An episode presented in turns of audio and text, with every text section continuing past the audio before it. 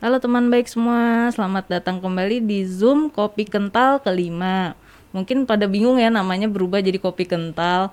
Ini tuh sebenarnya ceritanya eh, perubahan sedikit nih. Seluruh rangkaian acara Zoom setiap minggu ini akan masuk ke Spotify podcast Kopi Kental, yaitu Kongko Rumpiin Kesehatan Mental. Nah, MT Chair Series yang kemarin adalah bagian dari podcast Kopi Kental. Silakan bisa di-follow ya podcast Kopi Kentalnya. Ketemu, ketemu lagi dengan saya Ardan, ditemani kali ini oleh formasi yang berbeda nih. Hmm. Ada Dokter Yudi dan Dwika. Halo semuanya. Halo teman baik di mana pun berada. Ini kayaknya udah banyak sih yang join ya, iya? lumayan. Mm-mm, Kita bisa sapa-sapa. Tapi sebelumnya boleh perkenalan diri dulu dari Dokter Yudi, terus Dwika. Boleh boleh. Hmm. Halo teman baik, Eh, saya Dr. Yudi Kurniawan ya, saya psikiater ya. Mm-mm. Eh, tugasnya di klinik Sudirman Medical Center di Denpasar, Bali ya. Mm.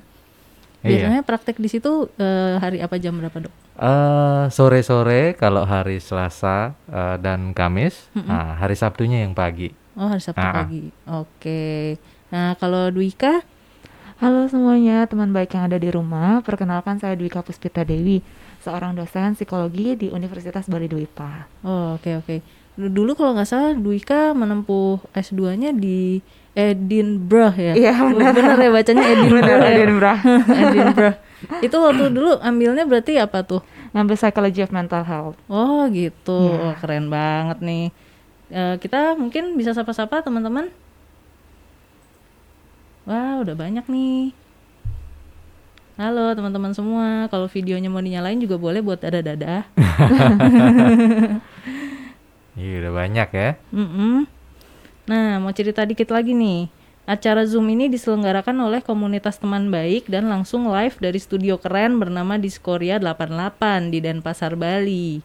Nah, Diskoria 88 ini adalah basecamp teman baik juga, ada kedainya juga, serta studio rekaman untuk podcast dan YouTube. Teman-teman baik sekalian yang kalau misalnya mau rekaman di sini bisa banget loh, nanti bisa kontak-kontak WhatsApp-nya Diskoria 88. Kita mungkin ngebahas topik kita dulu ya. Iya. Boleh. Mm-mm. Topik kita adalah listening saves lives. A one minute listening lesson. Kenapa? Karena kita sedang memperingati momen World Suicide Prevention Day di 10 September kan ya, benar ya? Iya. Betul. 10 September kemarin ya. Iya. Atau Hari Pencegahan Bunuh Diri Sedunia nih. Mm-mm. Nanti ada pemaparan materi dan praktik dari kami. Lalu teman-teman baik sekalian akan dapat giliran untuk praktik juga. Saat praktik ini kita bukannya hanya akan berinteraksi selama satu menit aja ya, mentang-mentang namanya one minute listening lesson, bukan berarti cuma satu menit aja gitu.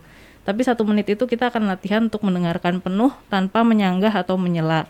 Nanti lebih detailnya akan dijelaskan oleh Dwika. Boleh. Silakan mungkin dari dokter Yudi dulu ya kita bisa diskusi materi. Sistemnya kita bisa diskusi aja dok. Jadi kayak Diskusi langsung ya. Mm-mm, jadi biar Mm-mm. lebih santai aja. Oke. Mm. Oke.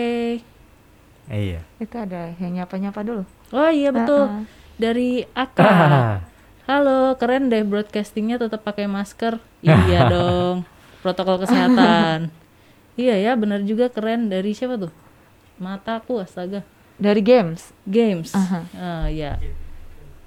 Oke, Games. dari dari KS ya. Halo, paling atas. Hmm. Halo KS. Oke, kita simak ya materi dari Dokter Yudi. Iya. Halo teman baik. Iya. Kita ngomongin tentang eh, bunuh diri nih sekarang ya. Mm-mm. Iya, Sebenarnya harapannya sih nggak nggak hanya jadi peringatan aja ya 10 September gitu, tapi mungkin bisa diterapkan preventionnya ya sepanjang hari kali ya. Mm, bener. Nah, berlaku terus-menerus setiap harinya. Nah, itu harapannya ya. Mm-mm. Nah, kenapa sih kita penting nih ngomongin eh, eh, bunuh diri ya? Gitu dulu pertama deh. Heeh. Ya, gimana nih kasusnya yang eh, bunuh diri yang eh, terjadi akhir-akhir ini ya? Kita mesti lihat nih fakta dan eh, kenyataan yang terjadi. Nah, kita tunggu dulu nih slide-nya. Mm-mm. Iya. Oke. Sama mungkin AC-nya bisa lebih didinginin lagi. Lumayan kayak sauna nih. Karena kita baru Iya. Iya. Lumayan Mungkin langsung sauna. eh, next ke slide yang kedua ya. Mm-mm. Iya. apa sih yang buat penting? Nah, ini karena Hmm. ada fakta-fakta nih katanya hampir satu orang Mm-mm. eh, melakukan bunuh diri nih setiap 40 detik. Ya, 40 detik ya, ya Iya. kan?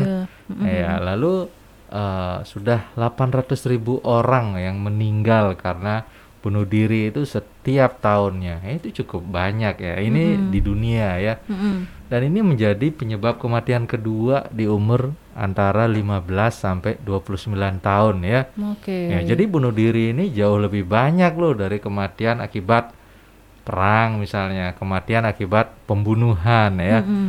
Nah, jauh lebih banyak. Nah, hal ini yang membuat kita sangat penting untuk lebih aware paling enggak dengan eh, bunuh diri ini. Mm-mm. Lalu metode-metode yang tersering digunakan itu kadang ya meracuni diri ya, Iya. gantung diri atau dengan menggunakan senjata api ya. Mm-mm. Ya, bunuh diri ini hampir terjadi di seluruh negara.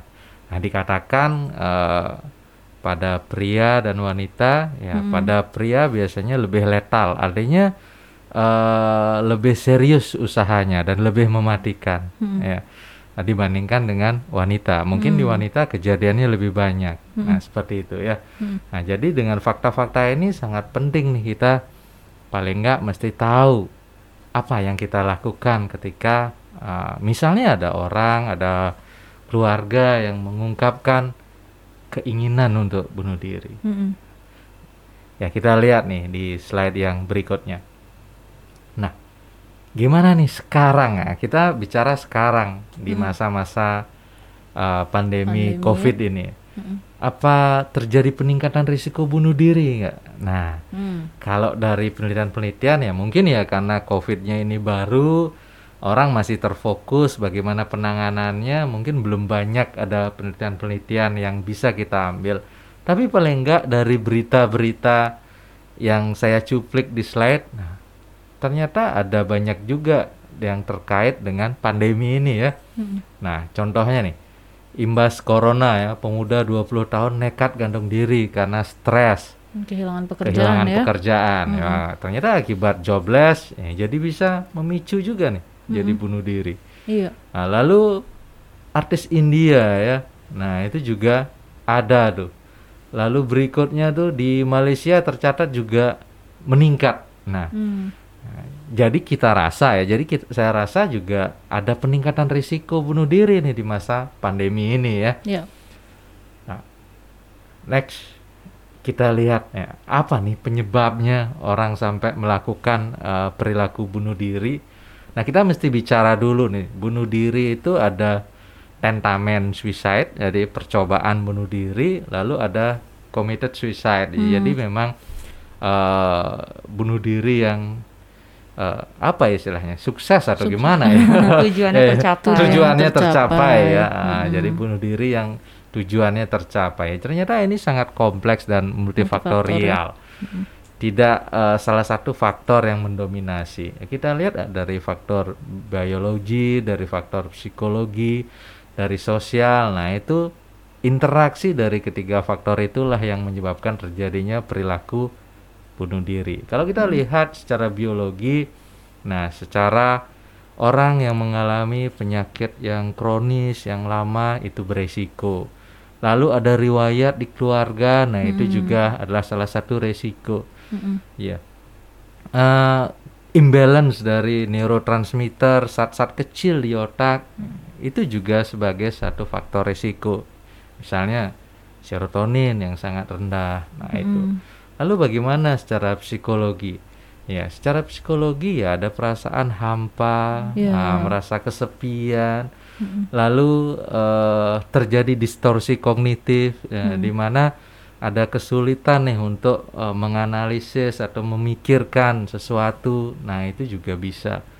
Begitu pula dari faktor sosial ya, misalnya ya kondisi sekarang nih, kondisi pandemi misalnya yang nggak menentu, yang serba nggak pasti. Mm-mm. Lalu juga kehilangan pekerjaan, Iya. nah, tekanan sosial ekonomi. Nah, Mm-mm. Kombinasi dari semua faktor-faktor ini bisa saja memicu terjadinya perilaku bunuh diri. Mm. Nah, berikutnya nih. Nah, lalu gimana kita sedikit coba hubungkan nih beberapa teori-teori mengenai uh, bunuh diri. Ada banyak sih teorinya. Saya coba ambil dua nih. Nah, salah satunya yang terkenal ya ini dari uh, Durkheim ya teori sosial dari bunuh diri. Dia menyebutkan ada empat uh, tipe orang melakukan bunuh diri ya. Mm-mm. Yang pertama ini ada anomik ini ya. Biasanya ini karena keadaan suatu keadaan yang sangat kacau ya. Nah, itu. Itu yang memicu dia melakukan bunuh diri. Ya. Lalu ada juga altruistik ya. Nah, di mana ini ada eh, dia merasa bagian yang sangat lekat dari suatu komunitas ya. Hmm. Nah, itu pemicunya. Misalnya nih sering dihubungkan salah contohnya adalah harakiri di Jepang. Oh, nah, oke. itu ya. Mm-mm. Lalu ada fatalistik, ada juga egoistik ya.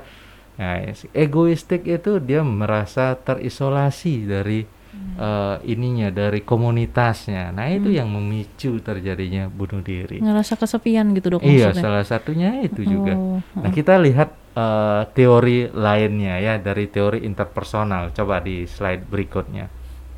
Nah, ini mungkin agak kecil tulisannya ya.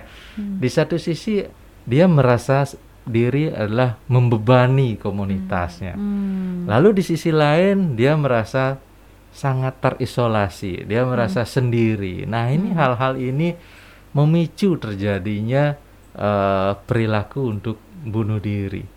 Orang melakukan bunuh diri seakan-akan ini merupakan suatu solusi atau eh, untuk eh, permasalahannya. Tetapi ini merupakan suatu eh, istilahnya crying for help ya. Iya. Mm-mm. Ya, istilahnya usaha dia untuk mencari pertolongan sebenarnya. Mm-mm. Next. Iya. Apa sih eh, gambaran kepribadian orang sebelum melakukan bunuh diri? Mm-mm. Nah, biasanya ada ambivalensi ya. Ya. Dia di satu sisi ada suatu keinginan nih untuk tetap hidup, tapi di sisi lain ada keinginan untuk mati ya. Jadi ini yang berkecamuk dalam pikirannya ya. Satu sisi pengen hidup, satu sisi pengen mati ya. Iya. Nah, lalu berikutnya terjadi rigiditas ya. Nah, mulai nih agak kaku pikirannya ya. Hmm. Nah, terus-terus memikirkan bunuh diri saja. Nah, lalu tidak temu jalan keluarnya. Wah, inilah solusinya gitu misalnya. Jadi pemikirannya menjadi rigid, menjadi kaku. Sehingga berikutnya terjadi bisa impulsivitas ya. Ya, melakukan suatu tindakan tanpa pemikiran yang matang ya. Jadi ya secara impulsif melakukan tindakan itu. Ya, hal-hal ini yang biasanya terjadi ketika sebelum orang melakukan tindakan bunuh diri biasanya. Mm-mm. Next. Nah, kita coba nih hubungkan bunuh diri dan kesehatan jiwa. Oke. Iya, orang tahu ya ketika meng- ke- oh, bicara tentang bunuh diri pasti biasanya depresi ya. Tetapi tidak hanya itu. Ada gangguan-gangguan lain juga nih yang bisa berkaitan dengan bunuh diri ya. Pada depresi hampir 50% ya. Nah, orang meninggal akibat bunuh diri itu pernah mengalami depresi. Ya, jadi 50% orang yang melakukan bunuh diri ya biasanya setengahnya itu pernah mengalami depresi. Mm-mm. Begitu pula dengan kecemasan ya. Nah, 70% bahkan pernah mencoba untuk melakukan bunuh diri. Oh malah lebih banyak daripada Iya. depresi ya ternyata. Pernah mencobanya lebih banyak Pernah ya. mencobanya ya. 70% ya. Mm-mm. Begitu pula pada borderline. Nah, ini Borderline. lebih banyak ya. Lebih pada banyak gangguan kepribadian ambang ini hampir 80% nih pernah mencoba satu kali melakukan bunuh diri ya. Mereka soalnya ada kecenderungan self harm juga kan ya. Iya, salah satunya itu ya. Iya. Salah satu ciri dari gangguan kepribadian ambang atau borderline Mm-mm. adalah eh, mood yang betul-betul labil dan adanya suatu eh, impulsivitas yang paling sering ya. Impulsivitas Nah, sehingga ya self harm banyak terjadi pada orang yang mengalami gangguan kepribadian ambang. Mm-mm.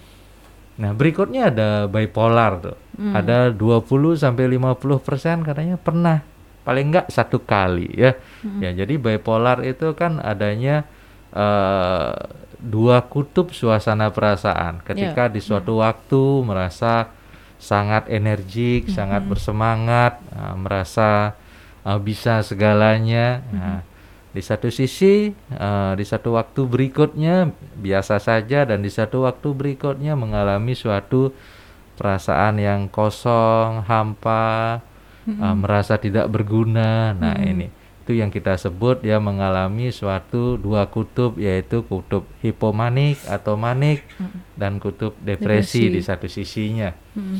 Nah, dan terakhir sering juga nih dikaitkan dengan gangguan yang lebih berat lagi nih, Ya. yaitu schizophrenia ya. Di mana orang mengalami kekacauan proses pikir ya. Mm-mm. Nah, terjadi hendaya dalam menilai realita ya. Ini katanya 40% biasanya pernah melakukan percobaan bunuh diri satu kali ya. Hmm. Ini paling sering nih biasanya karena halusinasi dalam bentuk halusinasi pendengaran Mm-mm. utamanya tipe yang perintah gitu ya. Jadi dia Disuruh ya? iya mendengar suara-suara yang menyuruhnya untuk melakukan sesuatu. Ya. Nah, Oh. itu. Itu biasanya karena eh, schizophrenia. Mm-mm. Ya, kita lihat berikutnya. Iya. Nah, dari kaitan tersebut ya bunuh diri ini kita dapat cegah ya. Mm-mm. Cegah dengan usaha bersama tentunya. Ya, salah satu saya ambil dari eh, psychological first aid ya. Ya, look, listen dan link ya. Yang pertama ya tentu kita harus mencoba care dengan lingkungan sekeliling kita. Ada nggak perubahan perilaku nih pada teman-teman kita, keluarga kita? Ya kita lihat itu. Lalu dengarkan mereka, cari tahu ke dekat eh, ke orang-orang terdekat apakah yang terjadi di mereka. Nah, ketika kita menemukan sesuatu dan kita tidak mampu untuk membantunya, ya kita hubungkan dia dengan di mana tempat bisa membantunya. Oh, ya, bisa di profesional kesehatan jiwa, bisa juga di komunitas-komunitas seperti ya komunitas teman baik misalnya ya. Nah, kita coba buat eh, membuat hubung hubungkan ke komunitas-komunitas. Iya, next. Iya, ya kita bicara sekarang faktor risiko bunuh diri ya. Kita kan tadi eh, udah bicara tentang eh, look, listen dan link ya. Link, nah, ya. mesti kita tahu nih apa yang kita cari nih. Nah, iya. selanjutnya kita mesti cari nih faktor risiko bunuh diri. Ya, ada nggak di keluarga, di teman yang mempunyai faktor risiko untuk bunuh diri? Nah, salah satunya ya pertama adalah pernah nih melakukan sebelumnya ya. Jadi ada riwayat melakukan usaha bunuh diri sebelumnya. Atau mungkin riwayat di keluarganya, Hmm. bukan di dianya tetapi di keluarganya. Dia melihat keluarganya melakukan percobaan, ada usaha bunuh diri. Nah, itu dia menjadi suatu pembelajaran dalam dirinya. Nah, itu juga bisa. Begitu pula dengan riwayat penggunaan dari zat-zat terlarang nih, ya, narkoba ya. Ya. Nah, itu juga merupakan salah satu faktor risiko. Nah, selain gangguan mood seperti yang sudah ki- kita jelaskan eh, di slide sebelumnya, meliputi depresi dan gangguan bipolar ya. Hmm. Lalu kita lihat juga adanya akses ke sarana yang membahayakan. Nah, misalnya nih menyimpan uh, racun, menyimpan senjata, t- uh, benda-benda tajam. Lalu adanya kerugian dari peristiwa lainnya. Nah, misalnya putus pacar, perceraian ya, atau kegagalan dalam uh, studi. Nah, itu ada pengaruhnya termasuk juga mungkin masalah hukum, masalah finansial. Nah, itu juga bisa ya. Adanya riwayat trauma atau bullying di masa lalu. Iya. Nah, itu juga ada perannya sebagai faktor risiko. Penyakit kronis juga sangat berperan. Kadang orang dengan penyakit kronis merasa bahwa hidupnya hanya membebani keluarganya. Nah, Oh, oke. itu juga sering nih terjadi eh, akhirnya terjadi usaha untuk bunuh diri. Begitu pula dengan paparan perilaku bunuh diri dari orang lain. Jadi melihat tayangan, Oh. membaca berita. Nah, itu juga kadang pengaruhi. Itu sering kita sebut yang bisa namanya copycat, Copycat, suicide ya. ya. Ya, jadi dia dengan melihat lalu melakukannya. Mm-mm. Ya, ya. Ya, lalu kita lihat berikutnya ada tanda-tanda nih. Tanda-tanda apa sih orang kira-kira dia berisiko? Ya, kita lihat dari bicaranya pertama. Ya, mulai nih bicara tentang Kematian. kematian, bicara tentang bunuh diri, ya. Lalu komentar-komentar yang putus asa, merasa tidak berharga, merasa tidak berdaya. Lalu komentar yang seakan-akan tidak mempunyai alasan untuk melanjutkan hidup ya. Merasa akan lebih baik jika saya tidak ada lagi atau tidak di sini ya. Bicara tentang perasaan ter- terjebak atau menjadi beban bagi orang lain, bagi keluarganya. Nah, itu adalah salah satu tanda-tanda peringatan bahwa dia berisiko untuk melakukan bunuh diri. Hmm. Lalu kita lihat juga suasana perasaannya. Ya. Jadi ada suasana perasaan yang depresi, sedih berkepanjangan, Mm-mm. kehilangan minat, ya, kecemasan, marah, rasa terhina, lalu irritable ya, sensitif jadi cepat marah. Kita lihat juga dari perilakunya. Di mana dia kurang tidur atau malah tidurnya yang berlebihan Kebanyakan. ya. Lalu ada penggunaan dari alkohol atau narkoba ya. Mulai nih mengisolasi diri dari lingkungannya, dari teman-teman ya. Jadi jarang keluar rumah, lebih banyak menghindar ah, dari aktivitas. Hmm. Lalu sudah mencari nih ah, cara-cara untuk melakukan bunuh diri ya. Mm. Lalu kadang juga dengan mengucapkan selamat tinggal ah, ke orang-orang yang terdekat. Ya, mulai nih dengan mengunjungi, dengan kirim surat kalau dulu ya, mungkin sekarang dengan WA ya kali ya. Nah, Iya, lalu kadang juga dengan memberikan barang terha barang-barang berharganya untuk dikelola atau diurus oleh orang lain, misalnya binatang kesayangan gitu ya. Saya pernah tuh di posisi seperti itu. Ya, Iya. wah, itu bisa cerita nanti. Gimana tuh Laksmi? Eh, waktu itu emang lagi depresi sih. Hmm. Heeh. Terus koleksi-koleksi saya saya kasih-kasihin ke orang. Koleksi yang berharga banget padahal. Hmm. Gitu. Nah itu juga jadi salah satu tanda tuh uh, kemungkinan uh, ada nih keinginan untuk melakukan bunuh Iya. diri ya. Nah, next mungkin. Ya, tapi selain dari faktor risiko tadi, sebenarnya ada juga nih faktor pelindung ya uh, untuk orang melakukan bunuh diri ya. Jadi ada karakteristik orang yang cenderung tidak mempertimbangkan untuk mencoba bunuh diri ya. Nah, salah satunya ya dia kontak yang baik dengan penyedia layanan kesehatan ya. Lalu layanan kesehatan mentalnya yang efektif ya. Jadi aksesnya mudah untuk ke layanan kesehatan mental. Lalu hubungan yang kuat antar individu dalam keluarga, dalam komunitas, antar lembaga sosial juga dan dia memiliki keterampilan nih dalam pemecahan masalah dan melakukan resolusi konflik. Nah, ini sebagai faktor protektif untuk tidak melakukan bunuh diri. Next. Nah, ini yang sering kita bahas adalah fakta dan Mitos, mitos ya. ya, tentang bunuh diri nih. Nah, ini karena banyak orang eh, menganggap eh, ada tabu untuk dibicarakan Iya, ya. iya, betul. Nah, ya stigma mungkin ya. Nah, ini nih coba kita lihat. Next. Ya, bicara tentang bunuh diri adalah ide yang buruk dan dapat menjadi sebagai dorongan ya. Nah, ini adalah suatu mitos ya. Ya, stigma yang tersebar luas tentang eh, bunuh diri ya. Kebanyakan orang yang mempunyai pikiran bunuh diri dia tidak tahu harus bicara dengan siapa sebenarnya.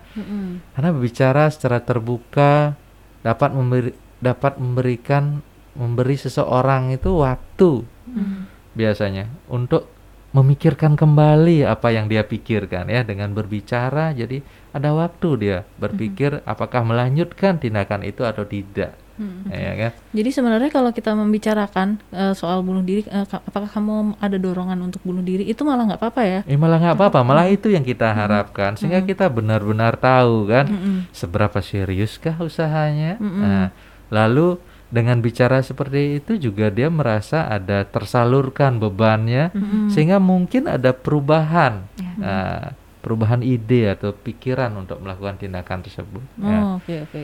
Ya, lalu berikutnya nih ada mitos juga nih. Orang yang bicara tentang bunuh diri itu tidak bermaksud melakukannya. Ya, kadang kita menganggap remeh ya. Orang sudah mengatakan ya. Nah, mungkin dikira itu suatu eh, bercandaan ya. Nah, padahal faktanya orang yang bicara tentang bunuh diri itu mungkin dia ingin mencari bantuan ya, Mm-mm. ingin mencari support atau dukungan dari dari yang orang-orang sekitarnya. ya. Biasanya sejumlah orang yang berpikir untuk bunuh diri itu dia cemas, dalam keadaan depresi, dalam keadaan putus asa, sehingga merasa bahwa dia tidak ada pilihan lain. Mm-mm. Ya. Nah, itu ada itu tuh eh, games bilang benar benar banget malah dibilang cari perhatian Iya. iya dibilang lebay cari Dibilang lebay, perhatian Oke. iya benar games Iya.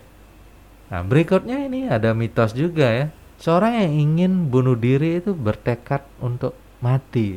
Nah, kadang ini sebaliknya ya. Orang yang bunuh diri sering kali dia ya itu tadi ambivalen ya. Iya, Jadi dia masih merasa kebingungan ya antara iya dan tidak, antara mati dan hidup ya. Mm. sehingga seseorang dapat bertindak impulsif lalu dia minum pestisida lalu mati beberapa hari kemudian. Meskipun sebenarnya dia masih ingin hidup. Betul.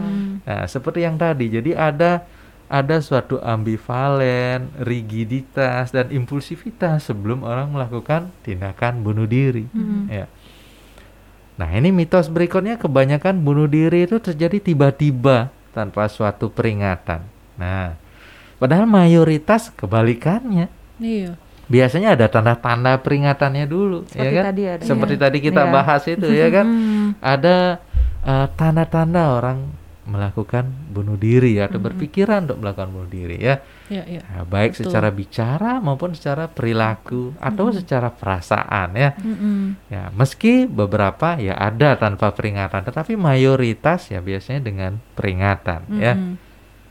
Next. Nah, mitos berikutnya itu adalah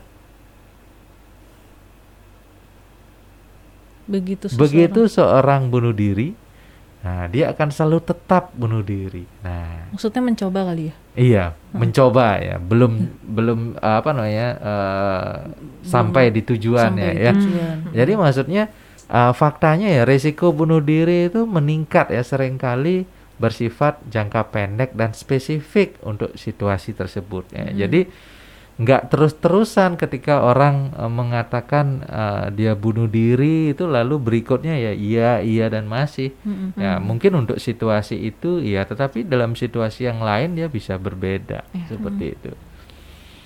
Lalu berikutnya hanya orang dengan gangguan mental yang bunuh diri. Nah ini yang sering nih sehingga Sering, jadi ya. malah menimbulkan malah stigma ya. Mm-mm. Nah, faktanya perilaku bunuh diri itu menunjukkan ketidakbahagiaan yang mendalam ya. Mm. Nggak mesti dia harus mengalami suatu gangguan mental ya. Iya. Iya. Banyak orang hidup dengan gangguan mental itu tidak terpengaruh kadang oleh perilaku bunuh diri ya. Dan tidak semua orang bunuh diri itu mengalami suatu gangguan mental, ya. Iya. Nah, misalnya nih ya itu kayak tadi dia ada gangguan fisik, misalnya sakit lama, sakit fisik, merasa memberatkan, ya, sehingga mungkin ada impulsivitas untuk melakukan bunuh diri. Mm. Nah, ada lagi nih mitos ya, perilaku bunuh diri itu mudah dijelaskan ya. Nah, faktanya itu tadi udah kita bahas ya, Iya. kompleks sekali ya. Kompleks dan Ada multifaktor banyak ya. multifaktor, ada banyak faktor-faktor yang berpengaruh di sana ya. Iya. Lalu dan yang terakhir nih, bunuh diri adalah cara yang tepat untuk mengatasi, mengatasi masalah. Nah ini juga suatu mitos ya, karena faktanya bunuh diri bukanlah cara yang konstruktif ya untuk mengatasi masalah. Ya, juga bukan satu-satunya untuk mengelola kesulitan yang parah atau menghadapi keadaan kehidupan yang buruk ya. Iya.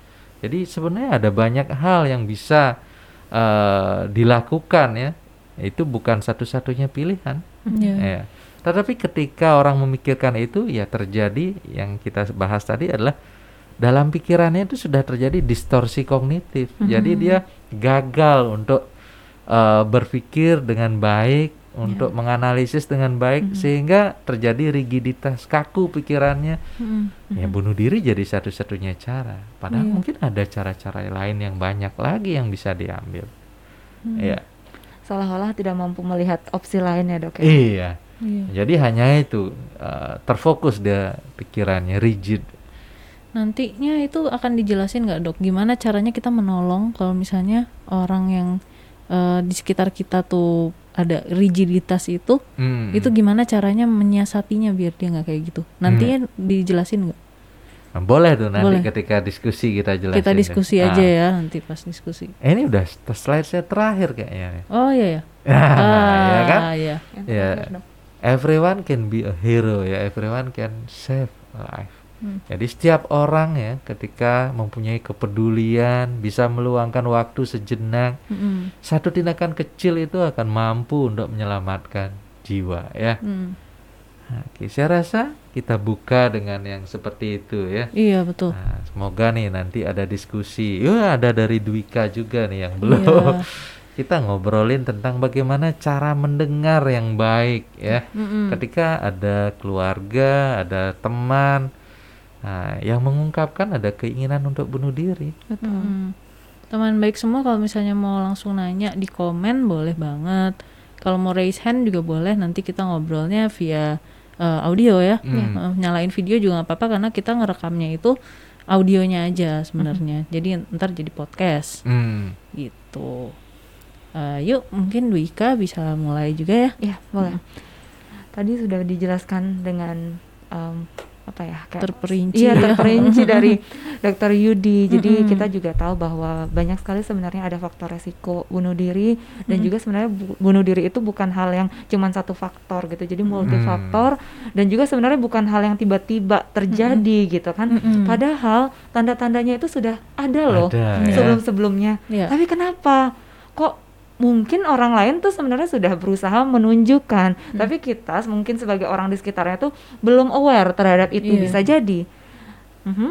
Atau mungkin dia saking terpendamnya, saking merasa terisolasi, jadi susah mengatakan. Aku Hmm. harus katakan ke siapa? Hmm. Siapa yang harus aku mintai pertolongan? Hmm. Itu mungkin Jadi terhadap akses aksesnya layanan. ya, Betul. ya, itu yang eh, tidak eh, akses terhadap layanannya yang Mhm. tidak tidak tidak adekuat ya. Betul, betul sekali.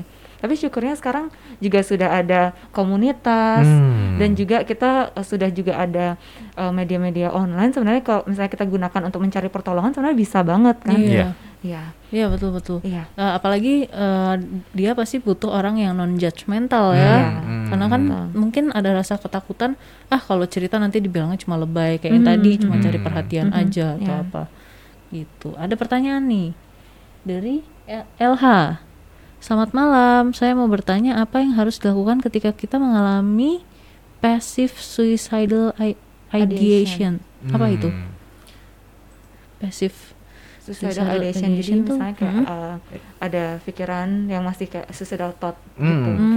Kira-kira apa yang bisa dilakukan? Iya, yang penting adalah pertama adalah bicara ya. Mhm. Ya, mengungkapkan apa yang dirasa ke orang yang tepat. Nah, Hmm. itu saya kira. Ketika belum bisa menemukan orang yang tepat yang bisa diajak bicara, ya tentunya ya itu kembali lagi ya. Hmm. Kita mencari berarti ke profesional kesehatan jiwa. Mm-mm. Mhm. Iya oke ya. Iya. Oh ada lagi ya dari AH A Ananta. Disebutnya inisialnya aja. Iya. Oh, sorry. Eh, nggak apa-apa. Ah, apa sih AH ya belakangnya? Oke. Selamat malam kak. Kalau aku kadang-kadang kepikiran gimana kalau aku hilang tiba-tiba, tapi bukan kayak bunuh diri atau suicidal, jadi kayak lenyap aja gitu ya mungkin Iya. maksudnya. Iya, itu kadang berarti mesti di eh, kita nggak sebut nama ya, mesti lebih eh, le- lebih eh, banyak ceritakan. Nah, yang hilang tiba-tiba itu yang eh, maksudnya dalam kondisi atau situasi yang seperti apa? Mm-mm. Apakah hanya tiba-tiba atau dalam kondisi-kondisi tertentu ya? Ketika misalnya dalam suatu stresor yang begitu eh, besar atau situasi-situasi yang eh, perbedaan lingkungan mungkin yang dia hadapi. Nah, jadi itu. Karena itu juga bisa merupakan sebagai suatu ya itu tadi suatu tanda-tanda kan. Iya Nah, bisa. Ya mesti dicari nih lagi yang lainnya, nggak mesti hanya itu satu aja. Betul. Iya. Ya harus harus mulai mengungkapkan, Mm-mm. terus mulai bicara ya. Mulai diulik juga ya sebenarnya Hmm, perasaannya tuh gimana seperti sih? gitu. Gimana perasaannya ya? Hmm, Iya benar. Oke. Eh, Ada yang raise hand. oh ada yang Oke. raise hand. Ya, ya. Oke boleh Ada boleh. yang- Boleh kalau mau sharing boleh. Boleh banget. Heeh. sebelum nanti kita mulai ke itu ya Dwika ya Iya, Mendengar. listening Listening skills session, ya ya. Tapi memang benar loh. Mm-mm. Em, sepertinya di lingkungan kita memang masih tabu ya membicarakan tentang bunuh diri. iya Jadi kalau misalnya menurut Ardan sendiri dan Dokter Yudi Mhm. gimana? Kira-kira, Mm-mm. nah kan kita sudah tahu nih bahwa mungkin saja orang-orang di sekitar kita tuh punya resiko iya untuk pernah memikirkan tentang bunuh diri atau bahkan mencoba untuk bunuh diri. Hmm. Kira-kira gimana sih caranya menjadi support system yang positif gitu untuk orang-orang tersebut? Nah, ini kayaknya Ardana pernah ada pengalaman. pernah pengalaman untuk mencoba maupun mendengarkan orang yang ingin Hmm. mencoba. Paling kalau misalnya mendengarkan orang yang ingin mencoba bunuh diri itu kadang-kadang saya juga mentok gitu bingung. Mhm. Tapi yang bisa saya lakukan cuma mendengar, Nah, itu dia. mendengar dan Hmm. membaca, membaca mungkin ya kalau WhatsApp ya. Iya. Hmm, hmm. Gitu. Jadi eh, biasanya sih dia ngerasa oh udah udah membaik gitu karena eh, perasaan itu misalnya ya di detik detik pertama nih Mhm. dia merasa ingin bunuh diri pas dia bercerita Mhm. tiba-tiba lima menit selanjutnya atau 10 menit selanjutnya aku udah berubah pikiran Iya. gitu Hmm, Nah, itu yang penting ya itu berarti dengan berbicara atau mengungkapkan rasa itu ya. Mm-mm. mau bertanya dan sharing thanks oh boleh boleh Hei, boleh, boleh, ya? banget boleh ya. banget ya Ah, ah. Mm. Silakan. Halo. silakan Iya, oh halo dok. Halo. halo Iya, eh, aku eh, raise hand aja tadi soalnya kalau ngetik agak susah dijelasin.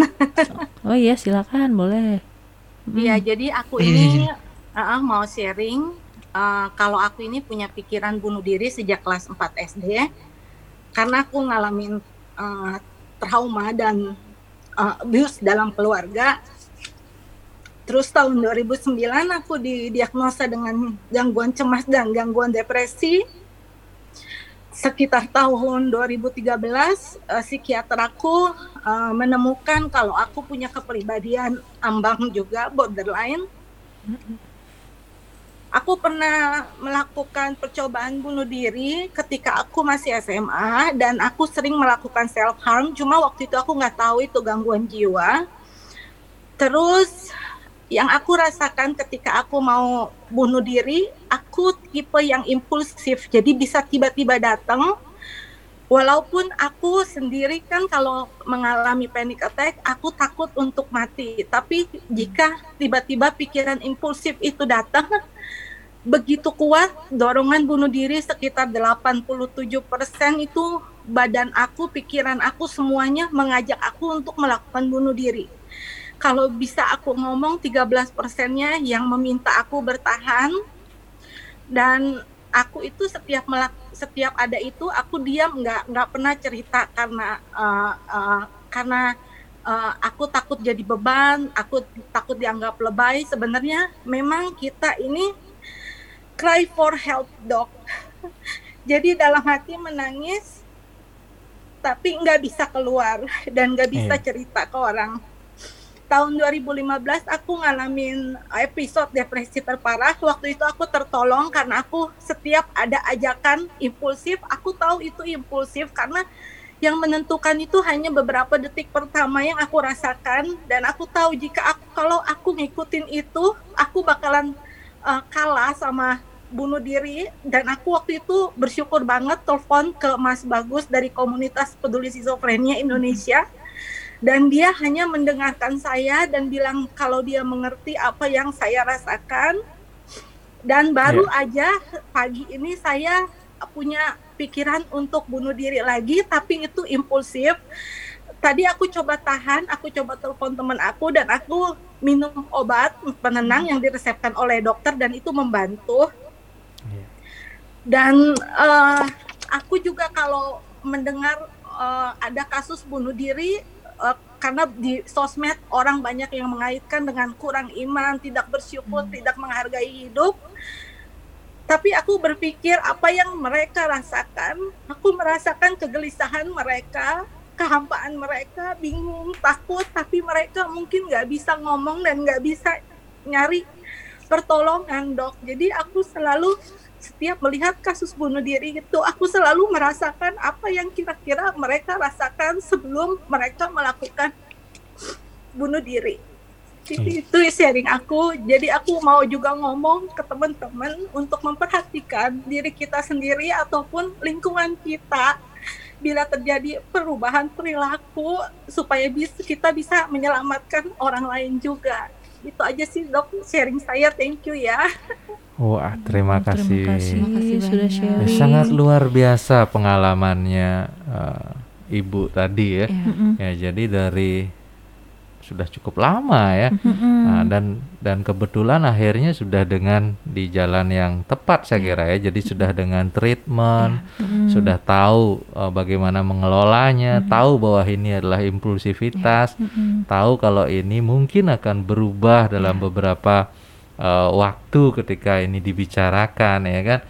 Nah, jadi akses ibu ini juga ke layanan kesehatan juga sangat baik ya.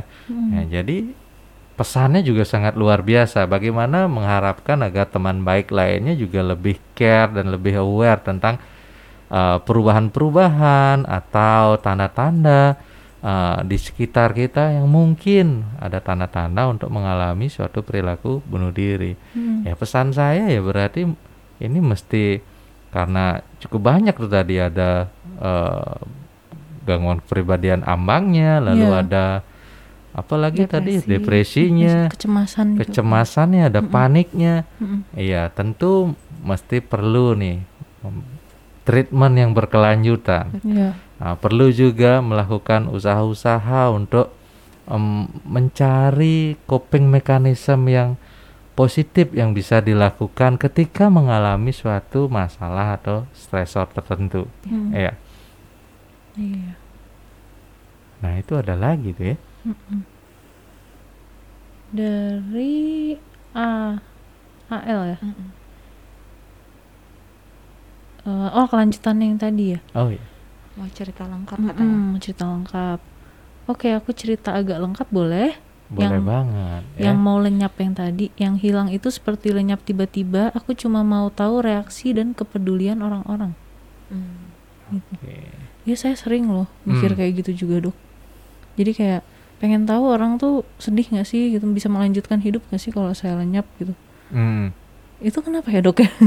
Pertanyaannya sama, jadi saya Hampir nanyain juga. serupa ya. Jadi ya dengan apa yang dialami oleh L tadi ya. Mm, mm, ah, Ya, ya. jadi eh, rasa ingin hilang tiba-tiba tuh untuk tahu ya, Mm, untuk pengen tahu saya seberapa berarti bagi orang lain ya, seperti itu ya. mm, mm. Ya itu itu adalah suatu eh, kadang bisa menjadi eh, apa ya namanya seperti eh, keinginan kita itu untuk eh, Kebutuhan untuk Iya. diperhatikan. nah mungkin. itu dia baru saya bilang tadi ya. Oh, oke, oke. Nah, Jadi seberapa eh, ada ada kurang perhatian mungkin yang sehingga kita mencari dengan cara yang seperti itu. kayak make sure bahwa kita sebenarnya punya nggak Hmm. sih orang-orang yang benar-benar dekat dengan dengan kita, kita. dengan Hmm. perhatian dengan kita mungkin itu ada salah satu cara atau pancingan gitu ya untuk Hmm. tahu gitu oh sebenarnya memang oh mereka care gitu Mm, mm, mm, mm. Mm-mm. Oh, betul, dan betul. mungkin saja di satu titik tertentu ada pikiran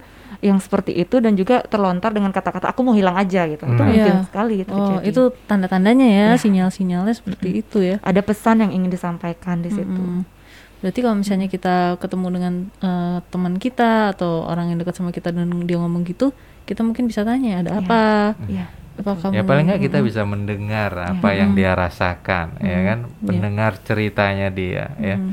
Tidak menghakimi tentunya ya. Iya. Dengan mendengar aja itu sudah suatu hal yang sangat cukup ya. Betul betul betul. Oke. Eh, Mbak, aku untukmu. Oh, untuk oh, yang, untuk yang, yang sharingnya Mbak Mbak, O tadi L ya. tadi ya. Mbak L apa O? O. Oh, Mbak O, ya. iya. Peluk hangat untuk Mbak LH. Maksudnya Mbak O kali ya. Hmm, Terima hmm, kasih sudah sharing. Apakah pikiran itu sehat, Dok? Pikiran untuk ingin lenyap. Oh, ini masih lanjut Masih yang tadi. lanjut. mm. Kayaknya enakan kalau eh, bicara bicara ya deh. ya. Mm-mm. Dibicarakan ya. Hmm. Maksudnya yang bicara tuh dia diminta raise hand, Iya, Oh. rasanya kan mending. Hah? Tolong, raise hand. di unmute mungkin iya, betul.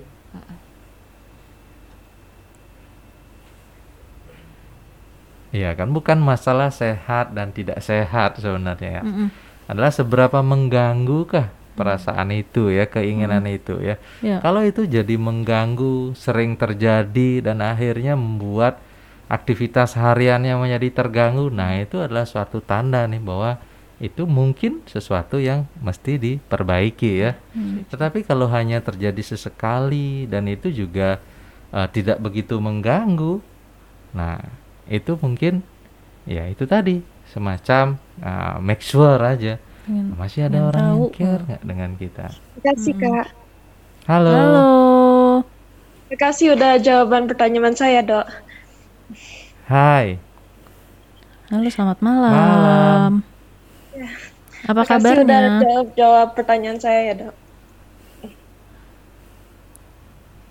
Eh, Iya. itu itu aja yang aku mau tanya. Aku cuma mau tahu itu eh, pikiran gitu eh, kayak sehat gak? Aku cuma mau pikir itu normal atau sehat gak mikirin gitu. Iya, apa yang buat Mbak ingin tahu kalau hal itu sesuatu yang sehat nih atau nggak normal? Karena aku pikir cuma aku yang berpikir kayak gitu. Hmm. Ya, tapi ternyata tadi Hmm, Nara juga pernah ya? aku juga, Nah, aku juga pernah berpikir seperti itu. Yang eh, kayak dibicarakan tadi em, eh, kalau bunuh diri itu masih agak tabu eh, di sini masih ka- terus aku pikir ke em, eh, kalau di sini juga agak gak normal berpikir kayak gitu tapi ternyata bukan cuma aku yang agak berpikir kayak gitu aku cuma pikir aku pikiran itu gak normal Oke. Iya. Sebenarnya bukan eh, normal atau nggak normal Iya. itu ya dok ya. Heeh. Lebih ke arah yang tadi pengen Mm. make sure apakah kita punya orang-orang yang peduli sama kita kah atau care sama kita care sama peduli Mm. sama aja. Oke.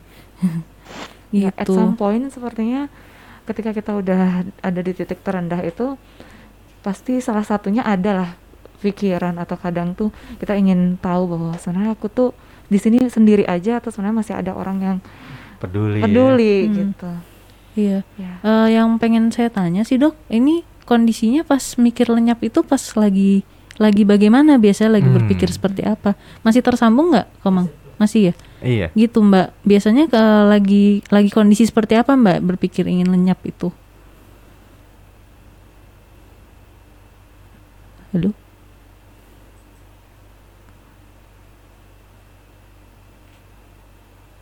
Unmute? Oh, ya. Ah, apa- em, yang gak tau ya kalau aku berpikir kayak em, aku kadang-kadang aduh maaf eh, bicaranya agak Oh, nggak apa-apa. Oh, nggak apa-apa. kadang-kadang aku kepikiran em, aku agak repot nggak sih kayak kalau aku sama keluarga aku aku kayak mikir aku orangnya juga kayak agak repotin orang juga. Terus Hmm. em, aku kalau sama teman-teman kadang-kadang merasa kayak left out gitu. Kayak aku tahu mereka peduli mereka itu teman baik. Tapi kenapa aku merasa beda ya? Kayak merasa Hmm. kayak gak tahu kayak gak tahu mereka itu benar-benar peduli sama atau sama aku atau enggak gitu terus aku, aku suka Hmm.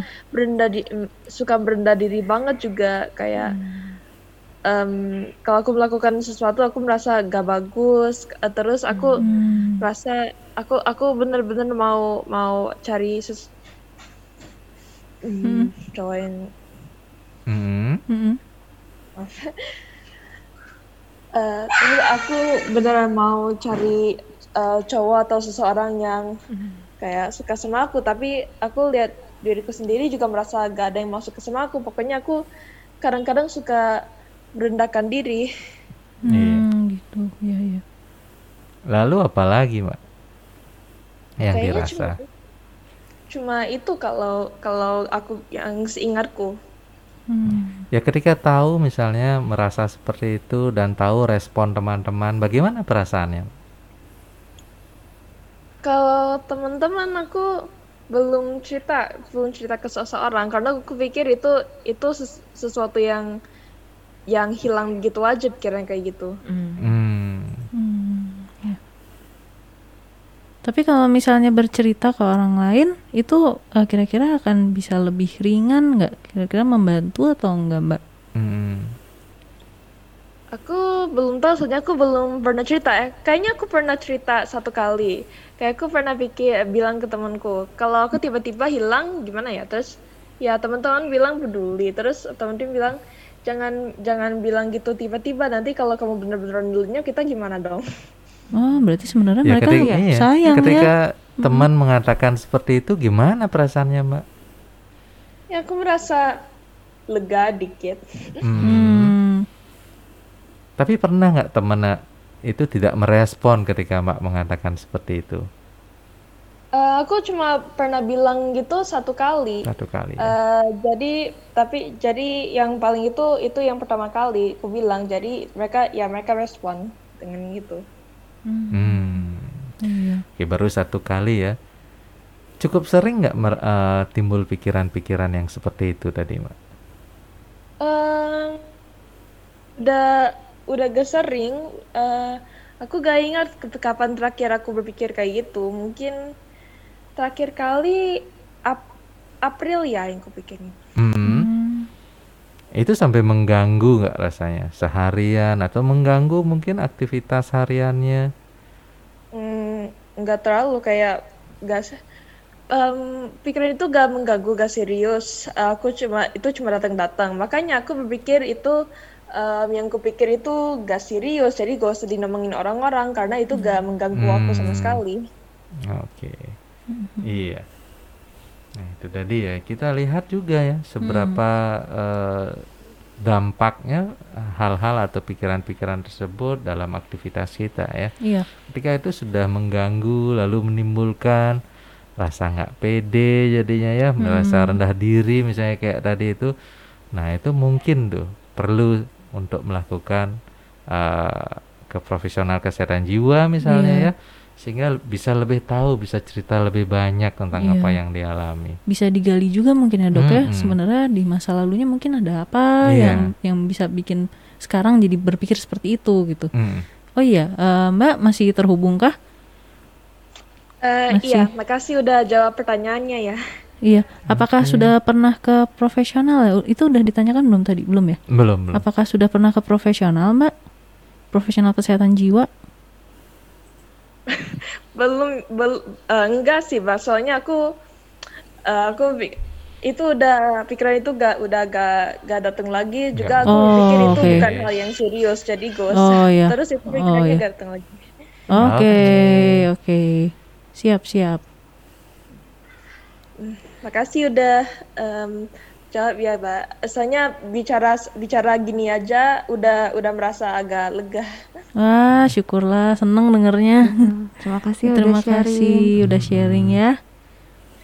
Nah ini ada lagi nih. udah Mm-mm. Ya, Oke. terima kasih. Makasih Mbak. Eh, mungkin ini dulu kali ya, Dwika dulu Oh kali boleh, ya. Mm-mm. iya. Atau nggak mau dijawab dulu? Dika dulu. Dwika dulu aja. Oke. Nanti ini pasti kita jawab setelahnya. Kalau gitu kita lanjut ya. Kita lanjut dulu ya.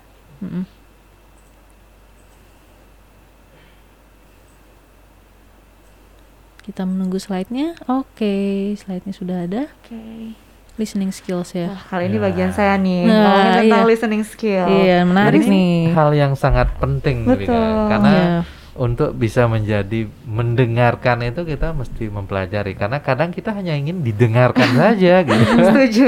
Pengennya bicara gitu. Iya. Oke. Benar-benar. Ya teman-teman sesuai dengan tema ya hari ini kita akan belajar tentang listening skills eh, di mana seperti yang tadi Dokter Yudi sudah katakan gitu ternyata ketika orang lain sharing dan kita bisa mendengarkan itu ternyata memperpanjang harapan dia hidup loh. Iya. setidaknya 30 menit kita berbicara ternyata pikiran yang tadinya muncul gitu sudah sa- ter- mampu untuk disampaikan. Lalu 30 menit itu sudah menjadi satu hal yang berharga dan dia sudah bisa memiliki koneksi dengan orang lain. Iya, betul gitu. betul. yang awalnya terisolasi gitu ada Mhm. pikiran untuk bunuh diri. Terus ketika dia sharing dan ada yang mendengarkan adanya koneksi. Hmm. gitu.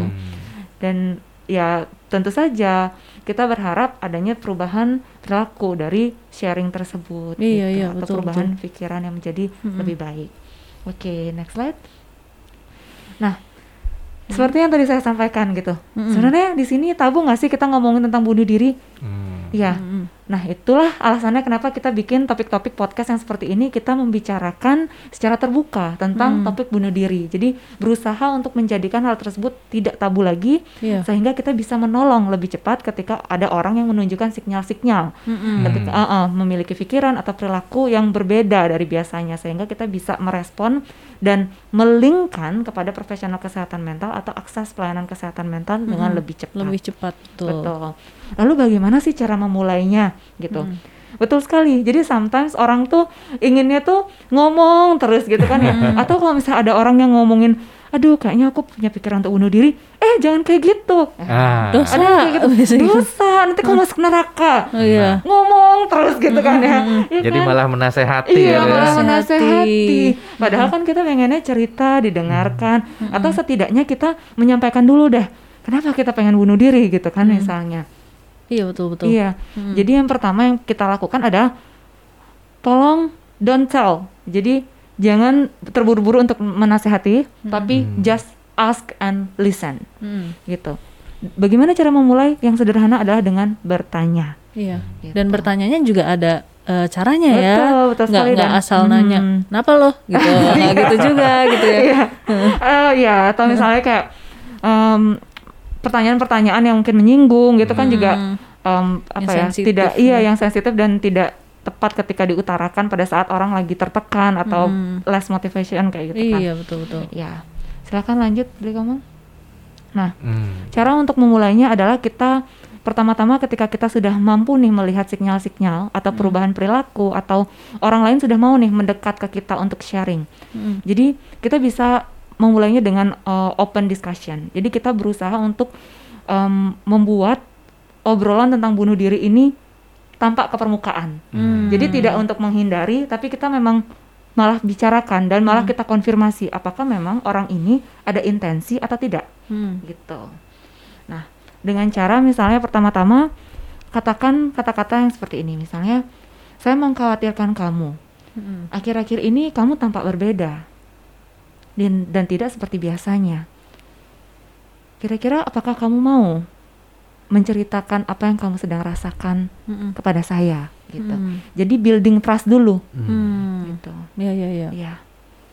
Jadi ketika kita sudah make sure bahwa kita ada loh Mm. waktu untuk mendengarkan kamu Mm-mm. gitu. Iya. Saya terbuka loh, kamu mau cerita apa silahkan. Jadi kita sudah present, Hmm. kita sudah ada, kita sudah menunjukkan bahwa kita care terhadap mereka. Hmm. Gitu. Kalau misalnya jawabannya enggak, berarti jangan dipaksa ya. Iya, jangan dipaksa, tapi kita tawarkan alternatif. Oh Iya, iya. betul. Jadi mungkin dia tidak nyaman pada waktu itu bercerita kepada kita, tapi kita bisa tawarkan solusi. Kira-kira kamu nyamannya berbicara kapan? Hmm. Atau kira-kira kamu berbic- eh, nyamannya berbicara dengan siapa? Oh iya betul. Apakah kamu ingin berbicara terhadap profesional misalnya atau mau saya sampaikan ke siapa misalnya temanmu atau ke pasanganmu, ke keluarga Hmm. gitu. Hmm. Jadi ada orang yang mungkin tidak bisa secara langsung ngomong gitu harus ada misalnya mediatornya gitu misalnya. Mm-mm. Gitu. Oh jadi sebenarnya kalau misalnya kita ditolak untuk Mhm. diceritakan, don't take it personally ya. Iya, Hmm. betul sekali. Karena memang kita juga tidak bisa memaksa orang dalam kondisi yang memang eh, dia tidak stabil gitu ya untuk mau terbuka secara open itu tidak semua orang bisa berbicara dengan terbuka gitu. Oh, iya betul betul. Ya setidaknya kita sudah ada intensi untuk eh, membuka diri. Hmm. Tapi percayalah, ketika kita memberikan peluang untuk membuka diri, mungkin keesokan harinya atau kapannya orang tersebut akan mencari kita untuk berbicara. Malah menghubungi Oh, balik ya. Betul, betul Ah. sekali. Hmm, ya benar. Gitu, karena eh, entah kenapa mungkin dia ada perubahan pikiran gitu, Hmm. jadinya dia punya referensi. Oh, Hmm. Kemarin Mbak ini menawarkan, jadi mungkin saat ini saya sudah eh, menemukan waktu yang cocok untuk bercerita. Oh Kayak iya iya. gitu. Oke. Betul Oke. betul. Setuju. Heeh. Bisa dilanjut? Nah, kita masuk sekarang ke topik active listening. Mm-mm. Yang pertama adalah gunakan pertanyaan yang terbuka. Mm-mm. Jadi hindari close question yang jawabannya cuman ya atau Ya, tidak. Oh iya iya iya. Ah, misalnya Hmm. ditanya kayak, em, apakah kamu sedang sedih? Ya. Iya. Udah deh. udah deh Berhenti. berhenti iya terus kan bingung kan Iya. aduh pertanyaan itu tadi udah terus apa lagi yang mau ditanya gitu kan ya Iya betul betul. Terus juga kalau misalnya orang pada kondisi yang ters- eh, seperti itu, kadang dia juga ya beda-beda. Ada yang marah-marah gitu, ada yang juga sedang sedih, benar-benar tertutup gitu. Jadi kalau misalnya kita malah tanya eh, yes or no question, malah mengganggu dia, gitu Iya, kan iya. bisa juga gitu. Heeh. Jadi gunakan pertanyaan terbuka, misalnya bagaimana keadaanmu saat ini, gitu. Kamu tampak berbeda, kamu tidak Hmm. seperti biasanya, gitu misalnya. Kalau misalnya dia kekeh bilang oh saya baik nih gitu. Saya kayak baik aja gitu. Hmm. itu kita make sure juga. Eh, tapi yang saya lihat kamu tidak seperti biasanya gitu. Balik Oh, lagi hmm. Kamu tampak berbeda. Ah, ah. sangat berbeda hari ini. misalnya kan Iya. ada orang yang kayak denial gitu ya dok ya Iya. Hmm. Ah, ah, jadi kayak seolah tuh semua baik-baik aja padahal dia sedang memendam Hmm. perasaannya jadi kita gimana cara kita mencari celah untuk open discussion terhadap topik-topik yang sedang dia alami gitu Karena kadang gini juga ya, kadang kita eh, karena jawabannya kan seperti itu ya. Mm-mm. Apa kabar? Baik. Nah kan mungkin aja lagi gak baik gitu kan. Karena ya terbiasanya seperti Betul, itu ya. Budaya Ya. kita dari dulu seperti itu. Kalau Iya. ditanya apa kabar, baik ya udah gitu.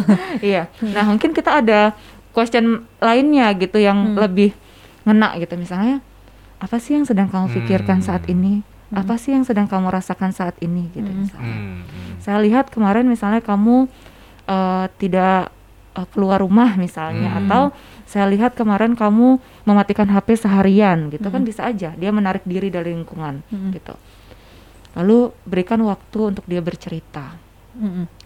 Eh, setelah misalnya dia bisa bercerita ditanya kembali kapan kira-kira kamu merasa dan berpikir tentang sesuatu masalahnya misalnya Mm-mm.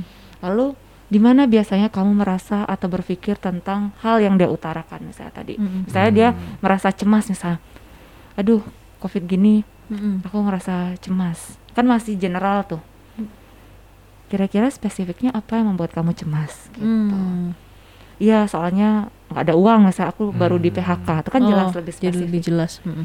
kira-kira bagaimana uh, kecemasan itu berdampak kepada kehidupanmu saat ini aktivitasmu saat ini nah itu balik ke uh, tadi yang dokter Yudit lah sampaikan misalnya seberapa mengganggu dia apakah benar-benar mengganggu sampai dia tidak bisa beraktivitas kah? Atau cuman semua dalam pikirannya saja kah? Atau misalnya sudah mengganggu misalnya pola makannya pola tidurnya dan lain sebagainya. Kayak Mm-mm. gitu.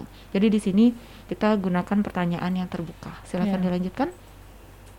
Lalu yang kedua setelah misalnya dia bisa cerita gitu kita tunjukkan bahwa kita benar-benar fokus kita ada terhadap orang tersebut ya. iya Kita hadir. Mm-mm. betul sekali jadi kita tidak main HP gitu Mm. kita benar-benar kadang kan ada memang kita ada hadapan ya tapi pikiran kita entah ke mana nah Mm. ini dengan cara merangkum seperti ini kita mengutarakan kembali misalnya jadi kamu merasa misalnya tadi cemas kasusnya cemas ya gitu jadi kan connect oh ternyata aku didengarkan iya Iya. benar itu yang aku sampaikan tadi Iya benar benar. iya benar gitu jadi dieksplor lagi Mm-mm. Jadi perasaan tersebut atau pikiran tersebut membuat kamu misalnya susah tidur ya gitu Hmm. misalnya jadi di restate kembali Mm-mm. itu apa yang sudah dia sampaikan Ya, jadi itu juga akan memancing orang untuk tambah Cerita. mau untuk bercerita ya, ya. Karena Hmm. ternyata didengarkan Iya. gitu, bahkan Iya. diresponsnya juga baik Betul. gitu.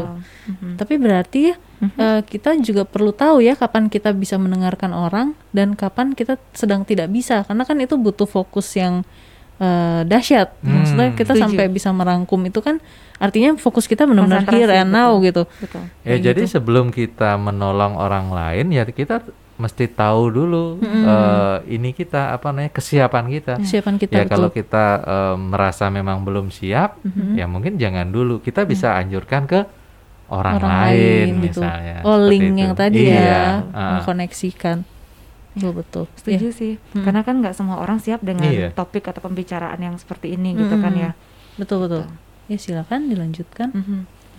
ya yang ketiga adalah merefleksikan Mm-mm. artinya kita merestate kembali misalnya tadi dia ngomong aduh aku merasa eh, cemas sekali nih aku nggak punya uang untuk hari raya misalnya Hmm. Duh aku merasa cemas sekali nih karena aku eh, sering merasa gagal, merasa tidak percaya diri, merasa Hmm. ini, merasa itu gitu. Mm-mm. Jadi kita bisa merefleksikan dengan em, mengungkapkan kembali katanya dia, kata-kata yang sudah dia unca- ucapkan, tapi seolah-olah kita ada di posisinya dia gitu. Jadi, Hmm.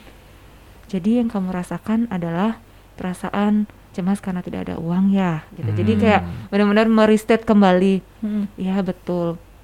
Seperti tampaknya memang ada di pos kamu ada di posisi yang sulit saat ini. Hmm. Jadi mendengarkan benar-benar dengan empati seperti itu. Mm.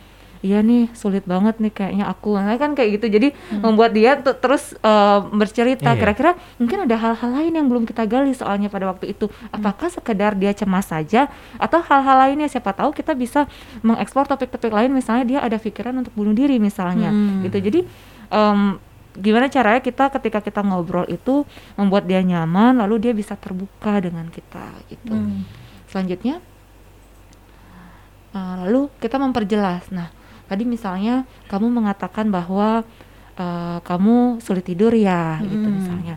Kira-kira apa yang saat ini sudah kamu lakukan? Jadi kita memperjelaskan memperjelas dulu apakah dia sudah membuat usaha-usaha mandiri untuk memperbaiki perasaan dan pikirannya dia yang cemas tadi misalnya. Mm.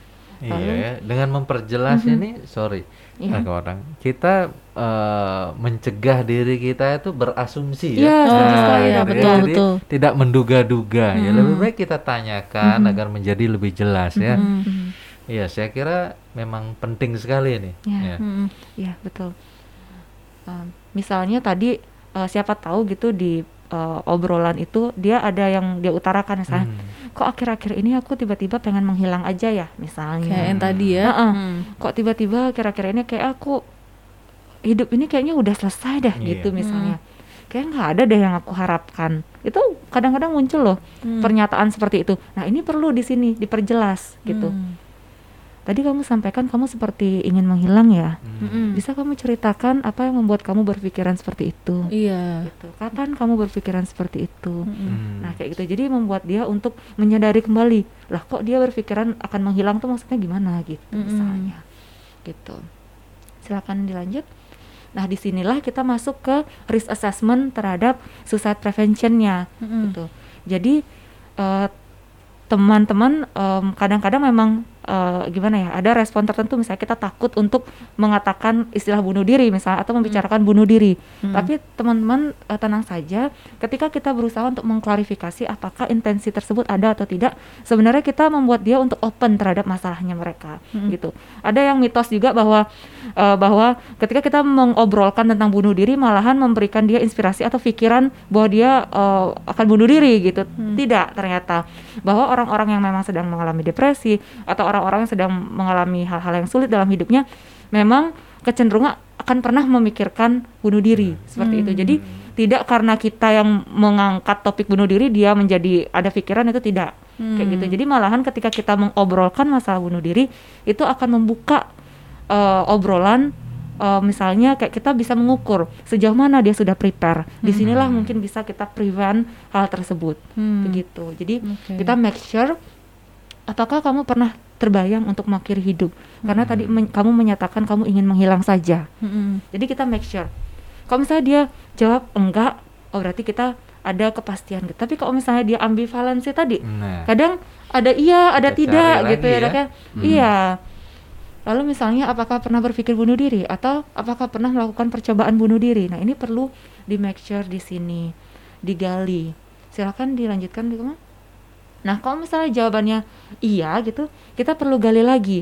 Sudah sejauh mana dia prepare? Seperti misalnya tadi eh, menitipkan hewan-hewan peliharaan ke Hmm. orang-orang memberikan barang-barang berharganya ke orang-orang. Berarti kan dia sudah merencanakan. Hmm. Nah, kita pengen tahu nih sekarang, kira-kira eh, kamu sudah menyiapkan cara untuk melakukannya apa belum? Karena kalau misalnya kita tahu caranya, kita bisa memprevent. Entah itu menyelamatkan misalnya, menyelamatkan dia eh, dengan akses benda-benda tajam misalnya. Jadi kita bisa menjauhi dia dari obat-obatan, dari benda-benda tajam, Hmm. dari barang-barang eh, sesuatu hal yang dia ingin gunakan untuk mencapai tujuannya yang tadi Mm-mm. gitu. Lalu misalnya kapan waktunya? Nah ini ketika misalnya kita tahu kapan waktunya, kita bisa se- lebih aware. Jadi tidak Hmm. meninggalkan dia sendiri seperti Hmm. itu. Gitu. Nah, seperti yang kita tahu ya bahwa sebenarnya orang yang memiliki pikiran bunuh diri pun sebenarnya masih ambang gitu. Dia sebenarnya masih pengen hidup tapi satu sisi merasa bahwa itu adalah sebuah solusi pada Iya. saat itu terhadap masalahnya. Jadi masih sebenarnya ada waktu untuk kita eh, membantu dia gitu. Aku tuh pernah ada pengalaman Mhm. eh, ngedampingin sahabat yang Iya. kehilangan pasangannya. Hmm. Jadi Hmm. mereka udah 14 tahun pacaran. Mhm. Hmm. udah tunangan, terus eh, pasangannya meninggal karena kanker. Hmm. Itu terus dia eh, ada apa sih? em, melakukan suatu hal yang terus-menerus untuk mengakhiri hidup. Tapi eh, tiap kali aku tanya seperti kayak caranya gimana atau yang kamu konsumsi mm-mm, apa, kapan kamu melakukannya dan mau sampai kapan, itu dia nggak mau cerita Hmm. dan bahkan eh, cenderung marah kalau misalnya pas aku lihat dia lagi mengkonsumsi itu gitu. Hmm. Kan dia kayak mengkonsumsi sesuatu gitu Mhm. cenderung marah dan dia ngomong emangnya kamu bisa melakukan apa kamu kan nggak bisa balikin dia lagi Hmm. gitu Hmm. A- a- aku tuh mesti gimana kalau ketemu Hmm. Hmm. Hmm. teman seperti itu gitu baiknya gimana gitu Ya, jadi pada fase di mana dia masih eh, emosi masih meledak-ledak ya dan dia iya. berusaha terus. Nah, di sini sebenarnya yang kita perlu lakukan adalah bagaimana dia tenang dulu ya. Tenang Hmm. dulu dan membuat dia safe at that moment gitu. oh ya, oke, yang make penting sure saat itu ya uh, uh, make Hmm. sure dia safe pada waktu itu. Hmm. Ya, Gitu. ada juga mungkin adalah dengan yaitu ketika kita tahu dia mengkonsumsi sesuatu, Mhm. nah hal-hal tersebut tuh bisa kita lebih cari tahu apa yang dia konsumsi atau Hmm. mungkin itu bisa kita hilangkan. Jadi hal-hal yang berbahaya seperti itu coba kita identifikasi sebisanya itu kita jauhkan dari dia. Hmm. Nah, jadi meski dia secara verbal dia bilang eh, enggak, Mhm. nah, ada ya kita secara perlakuan mungkin itu yang bisa kita lakukan. Hmm. Ya, kita tahu ketika kita menghadapi atau orang menghadapi kehilangan, nah itu ada fase-fasenya ya. Nah, ketika fase masih belum tidak menerima ya, Iya. Hmm. lalu eh, fase yang dia merasa masih emosional, marah, lalu pada fase sedihnya. Iya. Ya, ketika itulah mungkin ini terjadi. Hmm. Ya, hingga akhirnya sampai pada tahapan menerima bahwa memang orang yang eh, dikasihi itu memang sudah tidak ada. Hmm. Ya, biasanya ada perjalanannya yang seperti itu. Hmm. Ya, itu yang bisa kita bantu ketika dia menolak, ya kita bisa dengan perlakuan kita jauhkan benda-benda yang berbahaya, Hmm. jauhkan hal-hal yang mungkin bisa untuk melakukan percobaan bunuh diri. Iya, oke. Berarti selain mendengar juga ada perlakuan yang bisa kita lakukan ya, Betul. Iya. atau mungkin sekedar body language Iya. atau Hmm. gesture Mhm, gitu. mhm. Oke, menambah pengetahuan lagi. Baik. Hmm, silakan. Nah, kalau misalnya jawabannya tidak, Mm-mm. jadi sebenarnya kita juga perlu untuk memperhatikan faktor resikonya. Hmm. Mm-mm. gitu. Jadi eh, belum tentu kalau misalnya dia bilang tidak, itu dia Selesai tidak ya. pernah Hmm. terfikirkan gitu. Mm-mm. Mungkin saja ada tapi di masa yang akan datang ketika dia benar-benar lagi down banget gitu. Mm-mm. Jadi tetap juga make sure, tetap juga tanamkan ke dia bahwa kamu bisa bicarakan tentang hal ini kapan saja Mm-mm. kepada saya. Jadi Mm-mm. tetap kalian em, menyediakan diri kalian itu untuk orang tersebut Iya. in case kalau seandainya dia berpikir atau merencanakan untuk melakukan bunuh diri Iya. gitu. Nah, yang keempat Hmm. adalah bagaimana meresponnya. Tadi kan em, kita juga bisa melakukannya dengan cara verbal, seperti kita memberikan respon-respon em, mengklarifikasi tadi. Mm-mm. Lalu juga kita bisa em, membuat eh, apa ya kayak mengeluarkan statement yang empati gitu misalnya Hmm. kayak kamu eh, tentunya hal yang kamu rasakan sangat sulit ya bagimu gitu. Hmm. Eh, kamu sedang mengalami hal yang sulit akhir-akhir Mm-mm. ini. Lalu tawarkan misalnya pertolongan. Kita ada sebuah bentuk atau respon kita terhadap em, diskusi tadi gitu. Iya. Lalu nonverbalnya seperti apa? Bisa dengan cara menatap mata dengan hangat. Jadi tidak Hmm. tajam, benar-benar kayak Hmm. kayak diinterogasi gitu Iya. jangan. Iya betul betul. Jadi kan takut kan orang mau Iya. cerita apa jadi cerita gitu. Jadi eh, dengan hangat gitu Hmm. kan ya. Lalu duduk dengan posisi yang berhadapan, Hmm. Mm-mm. menunjukkan empati, eh, memegang tangan atau memegang bahu lawan bicara gitu. Hmm. Jadi pada posisi yang misalnya dia eh, nanti misalnya menangis atau. Eh, misalnya ada emosi yang tidak terkontrol gitu bisa kita pegang tangannya atau pegang bahunya seperti Hmm. itu. Gitu. Oke. Lalu selanjutnya, nah ini yang tadi kita bilang Penting. safety plan. Hmm. Mm-mm. Jadi meski uh, ada ataupun tidak pikiran untuk uh, bunuh diri, jadi kita tahu bahwa orang-orang tersebut sedang mengalami krisis dalam hidupnya. Mm. Yang ini yang perlu kita um, rencanakan safety plan dan perlu juga kita bicarakan. Misalnya kayak tadi kasusnya Ardan, ada orang tersebut yang misalnya dia marah gitu, marah, ngapain sih kamu emang mau buat apa gitu. Jadi hal yang pertama yang dilakukan adalah um, menenangkan dirinya dia, lalu pelan-pelan mengajak dia bicara. Kalau misalnya dia juga masih belum tenang, ya kita bisa um, menjauhkan barang-barangnya tadi, lalu ajak pelan-pelan untuk berdiskusi. Kira-kira apa yang bisa membuat atau membuat kamu untuk aman saat ini? Mm. Kayak gitu. Jadi safety first gitu, Mm. right now Mm-mm. kayak gitu. Ya, ya. Nah, tapi kalau misalnya dia misalnya menjawab tidak kayak gitu, jadi bisa kapan pun misalnya dia pernah uh, ada pikiran atau perasaan tersebut, dia bisa identifikasi gitu. Apakah Hmm. ada tanda-tanda pikirannya, uh, perasaannya, perilakunya. Lalu kira-kira uh, untuk membuat uh, kita um, mengalihkan pikiran tersebut seperti apa? Adakah Hmm. teknik atau coping strategi yang kita bisa gunakan untuk mereda perasaan dan pikiran tersebut. Kadang kan yang kita tadi diskusikan eh, ada saat-saat di mana dia berpikiran gitu, ada Iya. saat-saat di mana dia lupa tentang pikiran akan bunuh dirinya gitu. Jadi Mhm. ada nggak kira-kira hal-hal yang bisa membuat kita senang? Hmm. Em, ada nggak hal-hal yang membuat kita lebih bisa merasa bermakna dalam hidup kayak hobi gitu? ya misalnya. Betul, hobi misalnya. hobi ya. Ya. Mm-mm. Em, atau mungkin kayak bisa nonton video humor ya dok Iya, ya. Iya, bisa jadi ya. Hiburan gitu kan ya. Jadi setidaknya kita memfokuskan pikiran dan uh, perasaan kita kepada uh, hal lain gitu di luar Hmm. masalah kita kayak gitu. Jadi distraksi bisa. ya Betul, bisa betul. dibilang. Betul. Hmm. Lalu yang ketiga, kira-kira kita bikin nih daftar-daftar orang-orang yang Hmm. bisa kita hubungi saat pikiran atau percobaan tersebut uh, akan terjadi atau sedang terjadi gitu. Hmm. Misalnya, apakah ada psikiater kah, psikolog kah, konselor, keluarga atau teman yang bisa kita hubungi gitu. Iya. Lalu juga yang keempat, jauhkan diri dari benda-benda berbahaya. Nah, ini jadi akses terhadap benda-benda tersebut perlu kita uh, jauhi Mm-mm. gitu. Gitu sih. Jadi misalnya apakah ada akses obat-obatan kayak gitu. Kalau misalnya udah tahu misalnya uh, pikiran bunuh diri gitu di mana gitu, misalnya di kamar gitu. Ya udah jangan di kamar gitu. Cari hal-hal yang uh, misalnya jauh dari kesendirian gitu misalnya Hmm. pergi ke tempat yang ramai gitu jadi ketika ada orang-orang ramai gitu kan meredamkan pikirannya tersebut Hmm. gitu gitu sih Iya, iya. Iya. Sangat penting banget ya Mm-mm. safety plan ini Betul. pada eh, orang-orang yang mempunyai pemikiran untuk Iya. melakukan bunuh diri ya. Iya. Nah, jadi ketika punya pikiran bunuh diri ini bisa ditulis, bisa Mm-mm. dicatat, diidentifikasi eh, kapan munculnya dia, situasinya gimana ya sehingga kita tahu mungkin ada faktor pencetus yang tertentu Hmm, ya. iya. Hmm. Sehingga itu yang kita bisa hindari kalau bisa, kalau nggak bisa ya itu bisa kita kelola. Nah, lalu ya itu tadi berikutnya eh, gimana pengalihannya ketika itu terjadi? Ya mungkin ya itu hobi ya, hal-hal lain yang menyenangkan, jalan-jalan mungkin ya. Ya. Nah, itu tuh yang hal-hal yang bisa dilakukan dan nggak lupa juga catat nomor telepon komunitas teman baik Iya. misalnya Iya. ya. Eh, klinik terdekat kan nggak se- nggak mungkin kalau shelter psikolognya nggak Mm-mm. online, ya Online, 24 jam. Nah, itu juga bisa. Atau Hmm. aplikasi-aplikasi yang saat ini ada ya Iya. kan Iya.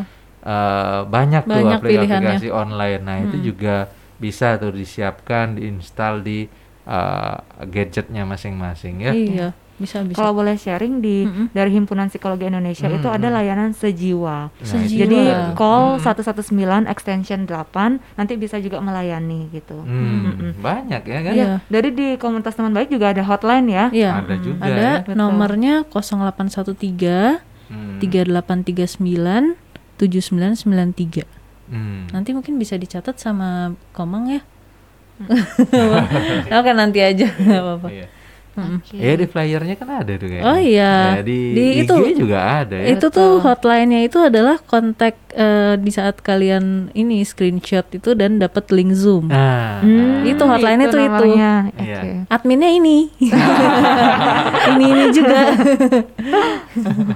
Gitu. Ya, tapi tenang ya, Kak, bahwa di komunitas kita juga ada psikiater juga, Ada.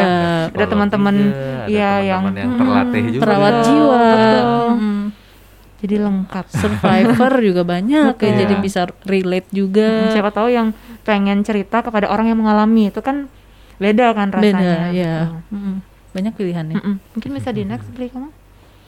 Nah, ini yang penting. Hmm, penting nih. Ah, ah. Mm. Jadi apa sih yang hal-hal yang bisa kita lakukan? Yang pertama perlu bersikap dengan tenang. Mm-mm. Jadi teman-teman kalau misalnya tidak siap, ya nggak apa-apa sebenarnya. Jadi teman-teman bisa melingkan kepada orang yang lebih siap gitu. Misalnya Iya. profesional kesehatan mental. Tapi ke- misalnya teman-teman pada waktu itu memang benar-benar ada dan memang sudah siap, silakan Mm. Uh, tunjukkan sikap-sikap yang empati dan juga uh, bersikaplah dengan tenang gitu. Jadi memang benar-benar here and now yang tadi yang dibilang sama Ardan. Mm. Lalu cari tempat yang aman dan nyaman. Jadi kan ada beberapa orang yang tidak mau secara terbuka gitu kan ngomongin tentang masalahnya. Jadi tanyakan di mana mau ngobrol, apakah em, di siap di tempat siapa gitu misalnya atau di mana, apakah di kafe misalnya di kafe yang tidak terlalu sepi misalnya Mm. atau misalnya kalau di rumah biasanya sih tidak mau gitu misalnya Hmm. atau di tempat kerja juga tidak mau biasanya ya mungkin cari tempat-tempat yang aman untuk Yang bercerita netral ya. betul Mm-mm. lalu mendengarkan dengan penuh perhatian nah yang selanjutnya ini yang paling penting respect karena sometimes kita terlalu eh, apa ya kayak menganggap masalah orang itu kayak belum ada apa-apanya gitu jadi Mm. be respectful karena kita nggak tahu seberapa berat masalah yang sedang dia Ya, alami. betul, Jadi we betul. cannot judge uh, the person kayak misalnya um, we don't know how much uh, about the people's problem. Jadi kita nggak nggak bisa menjudge dia apakah itu masalah besar kah kecil kah Mm-mm. bagi kita atau bagi dia gitu. Betul betul. Jadi tetap um, respect lalu memposisikan diri sebagai teman bukan expert. Mm-mm. Kadang ketika kita memposisikan diri kepada expert, kita pengennya ngasih tahu mulu, ngasih Iya. tahu mulu kayak gitu. Jadi Jadi lupa mendengarkan. Lupa. jadi malah cenderung menasehati gitu. betul betul. Lalu memberikan informasi yang dibutuhkan seperti tadi kontak misalnya, Mm. em, mencari pertolongan profesional misalnya, dan yang paling penting yang terakhir adalah take care of yourself. Ya. Karena ketika misalnya kita tadi yang tidak siap, yang tadi yang dibilangnya, jadi itu secara tidak langsung kan akan berpengaruh kan ke diri kita juga. Jadi gimana kita juga perlu memperhatikan kesehatan kita pribadi, kesehatan mental kita pribadi. Kita juga perlu punya coping yang bagus juga sebagai pendengar gitu. Mm. Ya kan kalau misalnya Iya. kita dalam posisi yang tidak stabil pun juga membahayakan Iya. justru. Iya. Jadi kita Gitu. harus harus tahu ya, men- bisa menilai kita diri sendiri. Betul. dulu ya. Iya, Sebelum betul. kita menolong orang lain. Mhm. Lalu selanjutnya Nah, yang Nah. tidak boleh dilakukan. Penting juga ini. penting juga Heeh. menyanggah. Menyanggah. Jadi karena mungkin kadang orang udah panik gitu, udah udah udah, gimana nih, gitu kan misalnya, misalnya kayak, eh nggak boleh itu, itu dosa, itu masuk neraka gitu. Belum juga orang cerita udah disanggah kayak gitu kan, jadi nggak nggak pengen cerita lagi Iya. gitu kan ya. Berhenti di situ Betul. jadinya Udah komunikasinya. nggak jadi cerita lah gitu. Lalu tergesa-gesa menasehatin ini juga perlu dihindari. Berdebat tentang boleh atau tidak boleh melakukan bunuh diri ini kalau berdebat ini nggak selesai-selesai. Nggak selesai. iya jadi kita juga dipengaruhi oleh budaya, Hmm. Iya. value, beliefs. Jadi ya kalau saya ngomongin boleh tidak bolehnya tuh nggak akan selesai. Debat kusir itu sih. Heeh. Iya. Lalu berbicara tanpa henti. Jadi yang tadi ngomong-ngomong terus gitu. Mm-mm. Memaksa atau mendesak. Kadang ada orang tuh yang kayak aduh kasih tahu dong cepet nih kasih tahu dong Kepo gitu ya. kepo Kepo. banget gitu Keponya nggak asik gitu ya. Maksa. jadi ini juga perlu dihindari Mm-mm. lalu menganggap remeh masalah kayak ah masalahnya gitu aja itu juga perlu Hmm. dihindari Wah, iya, parah. seperti yang tadi membandingkan masalah masalahmu belum ada apa-apanya dari yang masalahku gitu Waduh. nah ini kurang juga kurang Iya. jadi kalau bisa jangan pernah mengutarakan hal yang seperti ini karena membuat Hmm. orang itu jadi berhenti bercerita juga bisa atau kayak ini orang sebenarnya serius nggak sih ngedengerin kok malah jadi fokusnya ke dia bukan ke kita gitu Mm, malah curhat balik mungkin. iya jadi fokuslah bahwa kita ada untuk mereka gitu iya. lalu tergesa-gesa memberikan judgement Duh, Hmm. gini aja lemah kayak gitu itu Lebay. iya Lebay. itu juga Hmm. eh, kalau bisa Mesti dihindari, dihindari itu. betul terus membaca pikiran nih tanpa mendengarkan dengan seksama kayak Oh. seolah-olah kita udah tahu benar the whole problem Itu gitu yang mesti kita hindari Betul. adalah asumsi ya. Asumsi, Nah, karena itu betul. jadi jebakan dalam pikiran tuh kadang-kadang. Betul betul betul.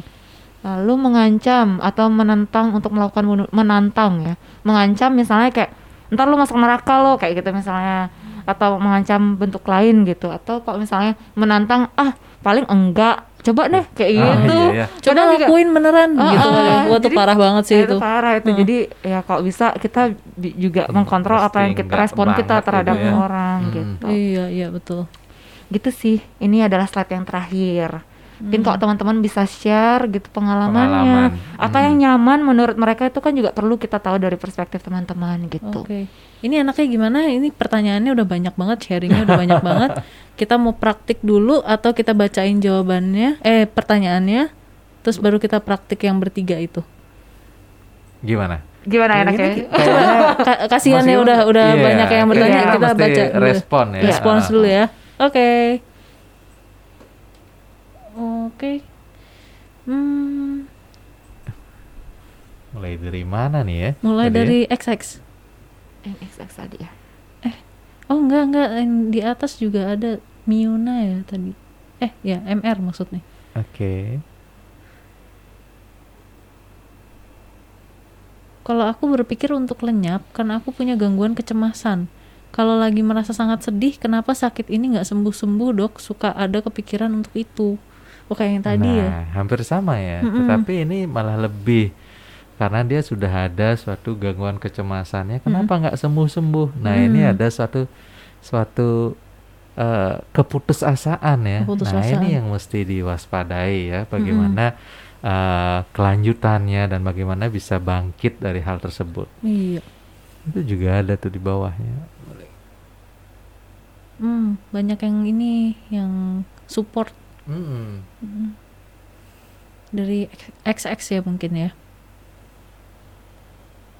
Mungkin bisa dibantu bacakan, saya kurang kebaca. Aku boleh? baca? Boleh. Boleh, boleh. Dugi. Oke, selamat malam untuk semua. Saya mau bertanya, apakah ketika bunuh diri itu diiringi dengan ketidaktakutan untuk melakukan tindakannya, atau bagaimana ya dok? Karena saya berani untuk lenyapnya, tapi tidak untuk melakukan tindakannya. Oh, berarti di batas pikiran gitu ya. Apakah ini benar seperti yang dikatakan lawan bicara saya kalau saya hanya cari perhatian atau saya hanya menunggu waktu saja? Jadi dia em, berani Iya. untuk lenyapnya tapi tidak untuk melakukan tindakannya. Ya, Iya. bayang. Iya, jadi ada memang ada ambivalensi juga kan. Nah, di satu sisi ya berani lenyap, tapi di sisi lain ya ada eh, tidak berani untuk tindakannya. Tapi ini nggak bisa juga kalau kita anggap ini hanya suatu cari Oh, perhatian enggak itu. atau hanya untuk menunggu waktu saja. Mesti ada hal lain nih yang perlu kita gali. Ada sesuatu hal apa sehingga bisa terjadi hal-hal yang seperti itu. Iya. Kenapa tuh bisa ada ambivalensi yang seperti itu? Iya. Nah, itu loh mesti. Lalu Kalau- heeh. mm, itu Kalau kalau dari aku sih eh, sebenarnya eh, XX ya tadi ya. XX ini bukan mau menyerah, tapi Hmm. hanya lelah. Iya. Iya. Ya bisa. sih kayak butuh jeda, butuh istirahat aja dulu. Sebenarnya lenyap itu bisa dalam kondisi tidur aja dulu gitu. Hmm. Tidur istirahat, me time. Iya, betul. Mungkin Ya, ya. itu salah mungkin. satu cara untuk mendistraksikannya nih dalam safety plan yang tadi dibuat itu tadi Mm-mm, kan. betul. Ya ada hal-hal apa nih yang bisa diambil untuk pengalihan dari pikiran bunuh diri tersebut. Iya. Nah, itu bisa dicoba dan dilakukan. Iya. Dari Aka. Selamat malam dok, ketika suicidal thought terjadi berulang kali tetapi dalam rentang waktu yang berjauhan, apakah hal ini bisa menjadi gangguan yang serius di masa-masa mendatang? Iya, adanya pikiran-pikiran bunuh diri itu adalah merupakan suatu hal yang sudah serius. Hmm, Entah dia jarang atau tidak, nah itu mesti kita gali itu ada apa di balik itu. Kalau itu belum terselesaikan ya tentu bisa berulang lagi dan bahkan ya mungkin akan menjadi suatu gangguan yang lebih berat di kemudian harinya. hmm, oke. Berarti harus diselesaikan. Hmm, Dicari tahu akarnya seperti apa ya. Iya. Oke, dari C ya. C. ah, ah. Dok, saya ingin bertanya mengenai bagaimana cara membantu diri sendiri. Saya pernah melakukan percobaan bunuh diri dan sudah beberapa tahun, mungkin sekitar dua tahun, memiliki gangguan sangat sering sekali menangis dengan rasa sedih yang sangat mendalam. Saya agak sulit menceritakannya jika diketik. Apa bisa saya bercerita lalu bertanya? Terima eh, kasih. tentu. oh, boleh, tentu boleh. Bisa banget. Mm-mm, silakan raise hand. Iya. Sambil kita nung- mungkin bisa bawahnya dulu tuh. Iya, boleh. Dari MR ya. Mm-mm. Eh, Komang, silakan di scroll dulu. Oke, udah cukup. Kenapa ya dok hal tentang kejiwaan ini tidak dipelajari di sekolah? Padahal itu sangat penting untuk kita tidak menjudge seseorang yang mempunyai masalah kejiwaan. minimal basic pengetahuan soal kejiwaan biar mereka tahu apa yang harus dilakukan saat seseorang mengalami gangguan kejiwaan. Bener Iya, itu bener penting banget banget. ya. Mm-mm. Iya, kita juga berpikiran hal yang sama ya. Bahkan dulu sempat kita berbincang ya. Kenapa ekstra di sekolah-sekolah itu tidak ada yang ekstra misalnya untuk kesehatan mental? Kan Mm. ekstra itu biasanya ilmiah, pencinta alam, ya kan? Olahraga. Apa olahraga, robotik, elektro apa elektronika, ya kan? Ya, kita berharap bahkan kita ingin mendorong tuh mungkin ada nih ekstra peduli kesehatan mental ya. Itu harapannya itu bisa segera terwujud nih. Mungkin komunitas teman baik bisa bekerja sama dengan SMA SMA ya. Ya, bisa Benar, banget bisa. kalau Dengan ya. dinas kesehatan itu juga sem- sepertinya Dinkes sudah ya. ada Mm. rencana seperti itu, tapi karena corona, buruan corona. Oh, Iya, iya, itu karena masih ini kan online mesti soalnya. dengan iya ke dinas pendidikan ya. Kita kayaknya belum pernah tuh ada ekstra yang terkait dengan uh, kesehatan mental. Ya janganlah kita masuk dulu jauh ke kurikulumnya. Tapi mungkin mulai Ke dari ekskul. ekskulnya itu. Betul, Mm. betul. Bisa tuh. Aduh, terima kasih Iya. banget nih Terima kasih masukannya. Kan banyak sekarang misalnya ada yang peduli AIDS, AIDS, ya. peduli kanker. Nah, mungkin bisa ada apa peduli kesehatan mental juga Iya. kali ya. Mm-mm, bisa, bisa banget. Oke. Eh, dari C ya. Saya juga ingin bertanya bagaimana caranya untuk merespon seorang dengan sabar. Karena padahal maksud saya baik, tapi selalu disalahartikan dan berakhir saya dimarahi dan malah mendapat kata-kata kasar yang sangat menyakitkan.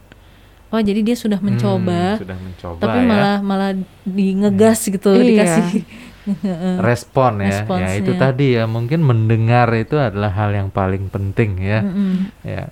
Sebelum kita merespon ya, jadi ada hal-hal yang tadi itu bagaimana ya kita coba rangkum, bagaimana kita coba eh, menanyakan kembali agar lebih jelas. Nah, hal-hal seperti itu bisa eh, coba untuk dilakukan. Mm-mm.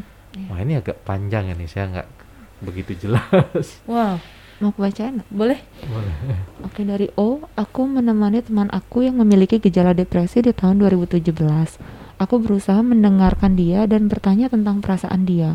Berusaha selalu ada buat dia. Dia selalu membicarakan tentang kematian bahwa dia menjadi beban buat keluarga dan temannya.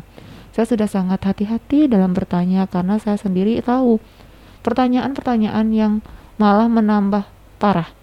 Aku tawarkan ketemu psikolog supaya dia bisa cerita dan mengeluarkan emosinya. Karena dia banyak beban tapi nggak pernah nangis, dia mau menemui psikolog dan aku juga ajak dia ke psikiater untuk berobat dua minggu sebelum kematiannya. Dia melakukan percobaan bunuh diri secara nggak langsung. Dia punya riwayat sakit jiwa, sakit jantung dan sengaja memperparah penyakitnya. Dia mulai sering pingsan. Satu minggu kemudian dia mendapat masalah lain yang membuat dia shock. Satu minggu kemudian dia masuk UGD dan akhirnya meninggal. Saat itu aku merasa gagal menjaga dia. Aku sendiri aktif di sosmed dan bicara tentang mental health, tapi aku nggak bisa membuat dia bertahan. Teman-teman, aku ternyata juga menganggap bahwa teman-teman aku ternyata juga menganggap bahwa teman aku bunuh diri karena berteman dengan aku oke padahal aku yang marah sama mereka karena ketika teman aku masih hidup dan mengeluh selalu dianggap Lebay. lebay dan mencari perhatian Iya. Ya, tapi padahal perjuangannya dia ini udah luar biasa Iya banget ya. Mm-mm. Ya kan, kadang ada sesuatu di luar kendali betul. kita ya kan. Mm-mm, betul. Nah, kita sudah berusaha dengan baik, nah, sudah mendampingi. Mm. Nah, tapi ada di luar kontrol kita ya kan. Iya. Nah, ini kalau kita eh, menyalahkan diri kita atas sesuatu yang di luar kontrol kita, nah ini malah bisa membuat kita yang akan timbul rasa bersalah Iya, dan betul. jatuh juga seperti itu. Ya, seperti dialami mungkin ini usahanya dia udah luar biasa banget Ya, kan? setuju. mengajak ke psikolog jadi sudah membuatkan sampai linknya ya ke Iya. psikiater juga. Ya tapi ternyata eh, ada hal lain yang terjadi. Dan ketika hal itu terjadi seakan-akan ya malah Dia ini adalah kesalahannya dia ya Mm-mm. kan? Ya ini yang akan membuat jatuh ya kan? Ya seperti tadi ya itu adalah sesuatu yang di luar kontrol ya tapi usaha dia udah sangat luar biasa Iya loh. Betul. Patut diapresiasi Iya. itu. Betul, setuju. Mm-mm. Dan kita ada rencana juga di kopi kental ini Hmm. untuk membuat acara khusus untuk penyintas, bukan penyintas sih, orang-orang yang ditinggalkan sama kenalannya yang bunuh diri. Iya. Hmm. Jadi eh, di- mereka merasakan kehilangan karena Ya. eh, orang terdekat mereka bunuh diri dan itu nanti kita akan menyatukannya dalam kopi kental dan bagaimana cara mengatasinya. Hmm, ya. Entah mungkin seminggu lagi atau dua minggu Oke. lagi nanti dipublikasikan Iya. segitu. Oke, kita eh, ke bawah lagi ya. Eh, tadi eh, udah raise hand belum yang mau share? Belum ya? Benar. Oke. Eh, MM ya itu ya Mm-mm. bawah. Kalau pasangan ketahuan salah, dia marah, terus aku yang minta maaf. Itu salah nggak sih? Terus sebaiknya apakah aku berhenti komunikasi untuk beberapa hari atau biasa saja? Iya, ini masalah relationship ya. Iya. ya. Hmm, Nah, ini ketika eh, ketahuan salah lalu marah ya. hmm, Ya, ini mesti kita eh, berbicara hal yang berbeda ya. iya sih. Iya, di luar topik. Tapi nggak apa-apa karena udah nanya ya. Jadi mesti tuh buat ada kesepakatan-kesepakatan apa yang mesti sejauh mana nih batasan-batasan dengan pasangan ya kan. Itu yang iya, itu yang perlu eh, dibuat dan disepakati ya. betul. Ya. Oke, eh, satu Aku lagi apa mungkin. tuh berhenti berkomuni berkomunikasi untuk untuk beberapa hari atau biasa saja. Jadi Ya, bol- iya, jeda dulu. Boleh Hmm. aja ngambil jeda dulu, lalu baru tuh ketika hati dan suasana sudah masing-masing sudah lebih tenang ya baru bisa dilanjutkan itu juga bisa dilakukan. Iya, betul. Tuh, Nah, yang ke bawah saya nggak kebaca. Aku aja ya. Oke, Selamat malam dok, saya ada teman yang pernah curhat soal suicide. Saya udah ngasih kontak psikolog klinis, tapi katanya dia sukar cerita sama orang asing dan saya juga nggak bisa maksa. Solusinya gimana dok? Terima kasih. Ya udah bener banget ya kan. Ya dia sudah mencoba, dia udah tahu tuh sudah care dan akhirnya sudah membuatkan link ya kan Wika ya. Cuma ya itu keputusan lagi ya kan. Iya. Nah, di orangnya ketika eh, dia tidak mau, ya kita sudah menunjukkan yang bisa kita lakukan ya adalah dengan memberikan perhatian. Hmm. Nah, tentu itu tentu tetap ya Hmm. nah, memberikan perhatian. Tapi kalau masih akhirnya enggak dan mungkin eh, ditolak, ya itu pilihan, ya kan? Iya. Oh udah. Oh, oke. Ya, Halo. silakan. Halo. Udah? Hmm, Halo, selamat malam. Selamat Halo malam. malam. Em, mau mau cerita dulu boleh sebelum nanya? Boleh, Boleh. banget. Silakan, Mbak. Em, jadi waktu waktu kecil sebenarnya kalau waktu kecil itu hidupnya itu nggak buruk, eh, bahagia. Cuman kalau sekolah karena gimana ya, em, kayak em, saya itu punya kemampuan yang lebih daripada teman-teman yang lain. Jadi kayak mereka tuh nggak suka lihat saya tuh lebih hebat dari mereka gitu. Jadinya saya sering dibully dari SD sampai S dari dari TK sampai SD. Jadi saya nggak punya teman. Hmm, Mm-mm. Iya. Terus Ya. waktu SMP em, di situ em, hidupnya eh, dalam lingkungan pertemanan eh, sudah mulai bahagia karena udah ketemu sahabat di situ. Mm-mm. Terus eh, setelah tamat SMP saya pisah sama sahabat saya. Jadi saya di SMA yang berbeda sama sahabat saya.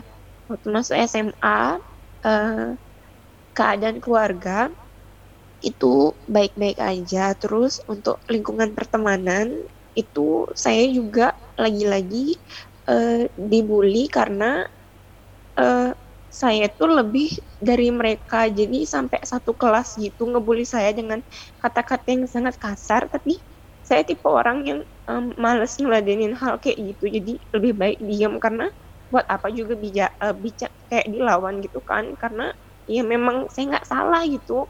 Karena emang saya juga saya nggak apa-ngapain saya cuma diam tapi mereka yang nggak terima dan nggak suka sama saya. Jadi kayak saya dibully sampai satu kelas itu sampai saya keluar dari sekolah diteriak-teriakin gitu sama teman-teman yang lain.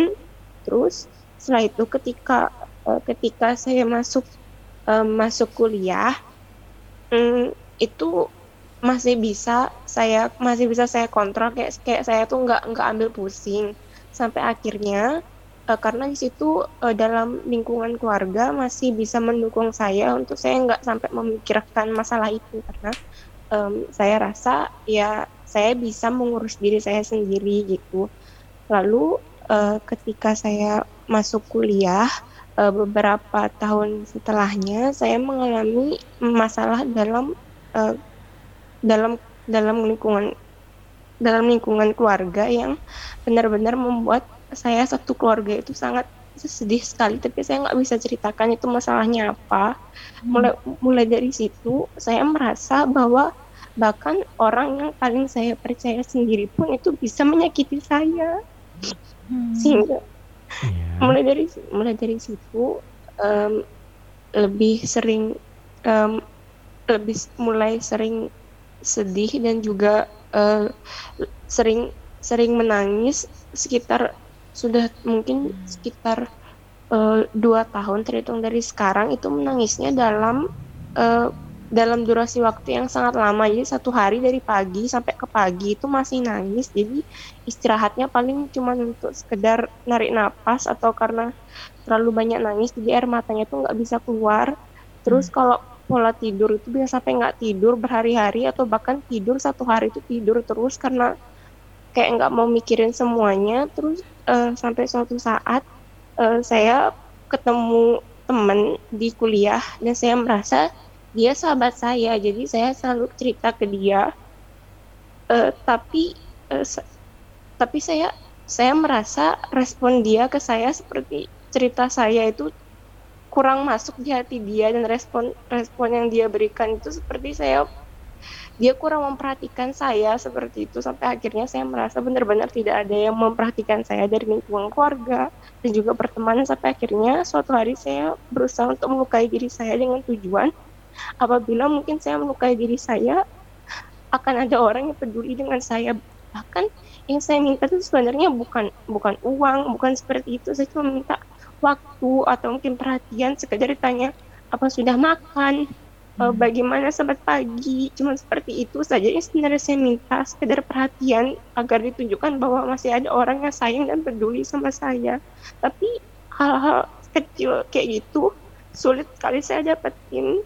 Terus kadang-kadang jika saya bermaksud baik sama orang atau hal yang ber- yang tidak bermaksud menyakitkan kadang-kadang malah saya tuh dimarahi mendapatkan kata-kata yang menyakitkan. Jadi jadi saya nggak tahu harus harus gimana. Saya tuh serba salah. Jadi saya merasa diri saya itu cuman masalah buat orang lain. Padahal maksud saya itu tidak seperti itu. Tapi mereka selalu salah mengartikan apa kata-kata saya. Terus kadang saya juga takut cerita apabila saya melakukan mengerjakan suatu tugas. Dan tugas saya itu sudah selesai lebih dulu daripada teman saya. Saya takut sekali untuk cerita. Karena ketika saya cerita mereka itu tidak terima jika saya itu selesai lebih dulu. Saya tidak mengerti kenapa bisa seperti itu dan sangat sangat menyedihkan karena saya itu ingin jika berteman itu bisa saling memberi semangat bukannya saling saling saling menjatuhkan seperti itu. Terus sekarang saya semakin ke sini belum lagi selama pandemik itu saya semakin tidak ingin bertemu dengan orang. Saya hanya ingin diam di kamar saja tidak ingin bertemu dengan orang. Lalu untuk jadwal tidur saya sampai sampai sering lupakan suatu hal dan saya juga merasa di pikiran saya jika ada tidak ada tidak ada sesuatu yang tidak sempurna itu saya di pikiran saya seperti ada orang yang bicara untuk untuk melakukan semuanya itu dengan sempurna yang ada di otak saya dan jika tidak itu akan terus ada di kepala saya untuk saya melakukan itu melakukan itu dan sangat sulit sekali untuk saya atur. Dan saya sekarang merasa saya sudah nggak punya siapa-siapa yang bisa membantu saya karena semua itu hanya peduli dengan dirinya sendiri tidak ada yang peduli dengan dengan orang lain. Jadi saya ingin bagaimana caranya biar diri saya itu bisa membantu diri saya sendiri untuk keluar dari semua perasaan yang yang ada di pikiran saya. Seperti itu saya ingin bertanya bagaimana caranya biar diri saya sendiri itu bisa membantu diri saya sendiri. Terima kasih. Terima kasih sudah sharing. Eh, Mbak C ya Mbak berarti C ya. ya Mm-mm. iya sangat Oke. luar biasa ya perjalanan hidupnya Mbak C ya Mm-mm. Ya, jadi eh, riwayat trauma masa Mm-mm. lalu ya dengan bullying Iya. lalu support dari Mm-mm. keluarga dan yang lain-lain yang dirasakan ya Mm-mm. kurang ya betul. Nah, ditambah dengan kondisi saat ini yang seperti diceritakan tadi ya, hingga gangguan tidur, rasa sedih yang berkepanjangan. Iya. Nah, ini kalau saya boleh saran nih, kayaknya Mbak C ini perlu urgent nih untuk bertemu dengan profesional kesehatan jiwa. Iya. Jika tidak memungkinkan untuk bertatap muka ya tentu dengan via eh, telekonsultasi ya dengan Iya. online. Nah, itu nih eh, semestinya eh, urgent nih kita Mm-mm. eh, lakukan kalau untuk saran saya untuk Mbak Y. Tapi ada juga nih yang perlu eh, usaha-usaha yang dilakukan. Salah satunya mungkin mulai dengan membuat jurnal Mm-mm, ya Iya, betul. paling enggak ketika tidak ada teman yang dirasa uh, bisa memahami paling tidak mengeluarkan ekspresi perasaan dalam bentuk tulisan atau dalam bentuk gambar sedikit tidaknya biasanya itu bisa membantu ya Hmm. Iya betul. Eh, soalnya kalau misalnya emang eh, apa upaya mandiri udah sulit dilakukan ya, emang Iya. lebih baik eh, secara mestinya ke urgent profesional profesional. Iya jiwa karena ya eh, banyak sekali yang sepertinya harus digali ya Iya. dari masa lalunya sampai sekarang yang perlu diselesaikan satu-satu supaya Iya. nggak jadi beban. yang utamanya yang saat ini kan Iya, ya, betul. ya ketika uh, menangis hampir Mhm. seharian Iya. ya kan Mm-mm. gangguan tidur, Tidur ya juga. tentu ini akan membuat daya tahan tubuh juga akan menurun ya kan Iya. apalagi di masa pandemi seperti saat ini nah Mm-mm. ini uh, perlu nih uh, ke profesional kesehatan jiwa Mm-mm. boleh ke psikolog klinis ke Mm-mm. perawat jiwa Iya. dokter atau psikiater Mm-mm. yang mana yang bisa terjangkau dari Mbak Y Mm-mm. Betul. Apakah masih terhubung dengan Mbak C? Ya, Masih. terima kasih udah direspon jawabannya. Eh, Hmm. Udah pernah waktu itu ke dokter cerita, cuman Mm-mm. eh, jawaban yang dikasih itu waktu itu terlontar kata-kata dari dokternya ya masa lalu anggap aja itu seperti memori di HP terus disuruh format terus saya berpikir saya tuh bukan HP saya nggak bisa format Nggak bisa seinstan itu ya. pikiran saya Iya. nggak bisa Iya, iya. Mm. Iya. Iya. barangkali itu suatu pengandaian ya mungkin Iya, dari dokternya mm-mm. ya. Hmm. Iya. Ah, mungkin yang bisa dilakukan adalah bagaimana mencoba mengubah persepsi kita tentang masa lalu ya. Mm-mm. Ya, jadi ya itu tidak bisa secara ah, spontan ya seperti saklar ya, itu perlu Mm-mm. waktu.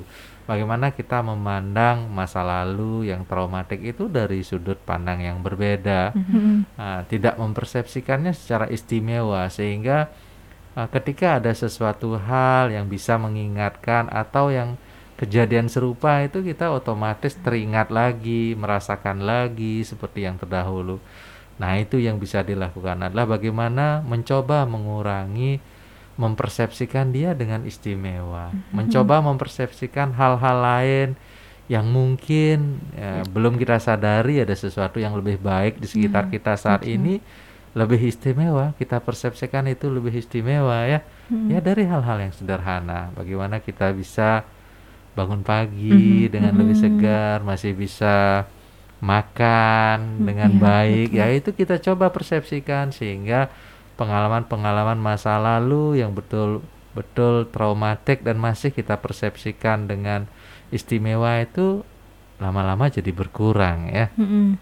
Tuh. Ya. Mindfulness juga mungkin membantu iya ya. salah satunya itu Mm-mm. Mm. Tadi setuju banget yang dikatakan Hmm. oleh dokter Yudi. Jadi mulai mengapresiasi hal-hal yang kecil uh, dalam hidup. Jadi kan uh, terkadang kita kalau misalnya kita lagi stuck dengan kesedihan, kita luput dengan hal-hal lain yang sebenarnya Hmm. itu uh, membuat kita bahagia dan merasa baik atau Mm-mm. merasa nyaman gitu. Mm-mm. Jadi cobalah untuk uh, mengalihkan pikiran ke hal-hal kecil tadi. Hmm. Misalnya benar seperti dokter Yudi tadi bilang, bangun pagi misalnya.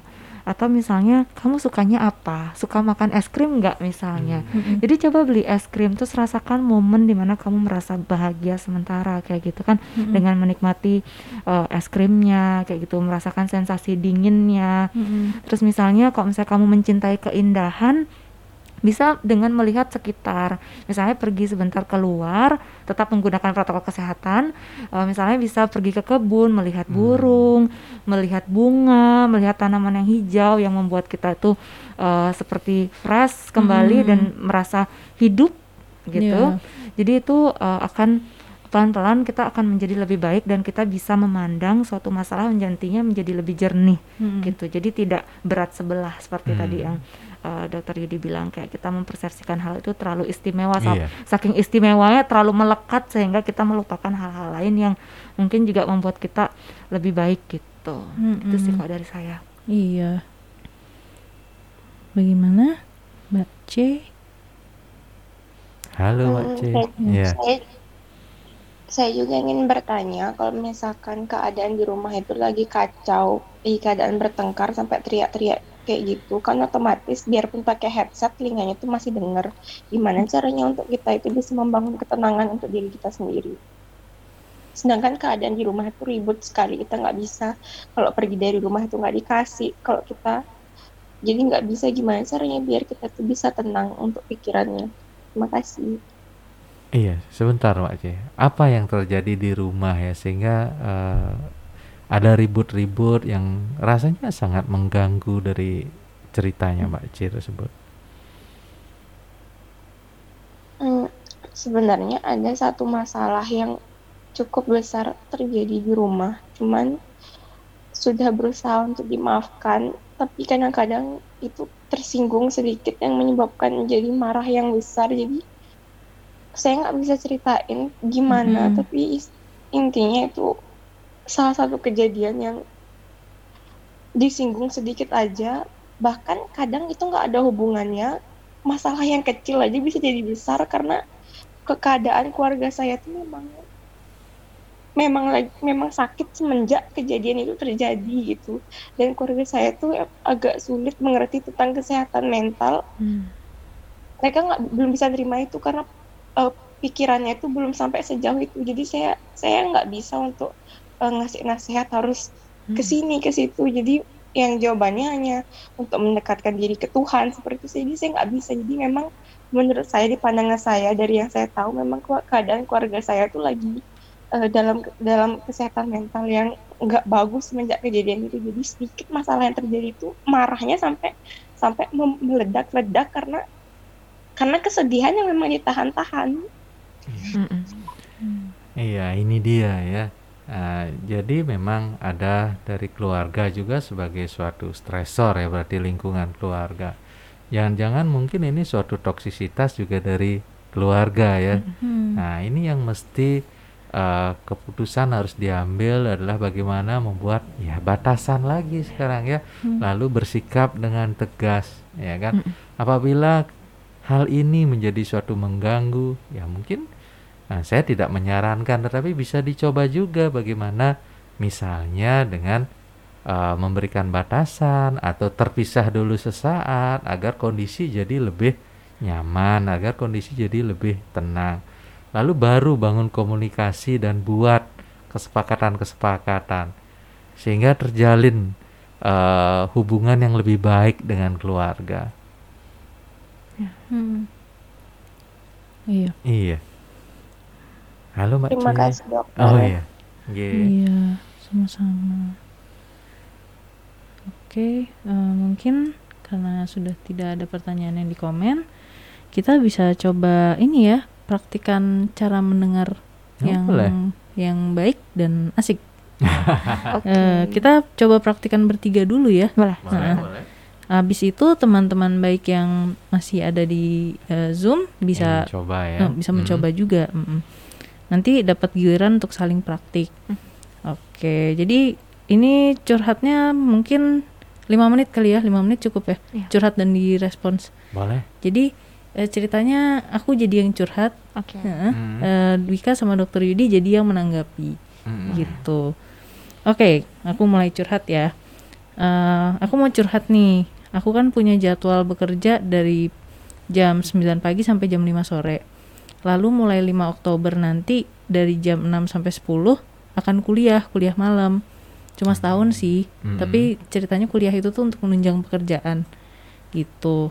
blended learning jadi ada offline sama online-nya nggak Hmm, selalu hmm. harus datang ke sana namun waktuku tuh jadi full banget nggak ada me time terus kayak ya takutnya jadi kayak nggak ada waktu buat refreshing gitu gimana ya caranya supaya bisa tetap konsisten jalanin semuanya tapi juga nggak burn out Hmm. gitu Ya jadi eh, Andara kerja gitu pagi ya, lalu Hmm. malamnya mau ambil kuliah ya. Mm-mm. Ya sebelum mengambil keputusan ini apa nih yang sudah dipikirkan? Eh, ini sih eh, apa ya selama ini kan ngerjain kerjaan itu masih pakai software yang eh, satu software aja dan itu cukup Hmm. mudah gitu Hmm. Eh, sedangkan kalau misalnya aku melebarkan sayap pengetahuanku ke software lain itu bisa akan lebih bagus lagi performanya untuk bekerja Hmm. jadi itulah kenapa aku mengambil kuliah malam tersebut cuma setahun sih cuma setahun Mm-mm, ya. iya Nah, tapi tadi sudah memahami kemungkinan resikonya ya, Mm-mm. kayaknya waktu bakalan habis. Mm. Tapi di satu sisi nggak semua kuliah itu tetap muka ya, iya ada online-nya ya. Iya. Berarti apakah masih ada waktu tuh ketika online untuk lebih fleksibel ketika online itu? Oh iya harusnya bisa ya. Harusnya sih bisa sih. Hmm? Heeh.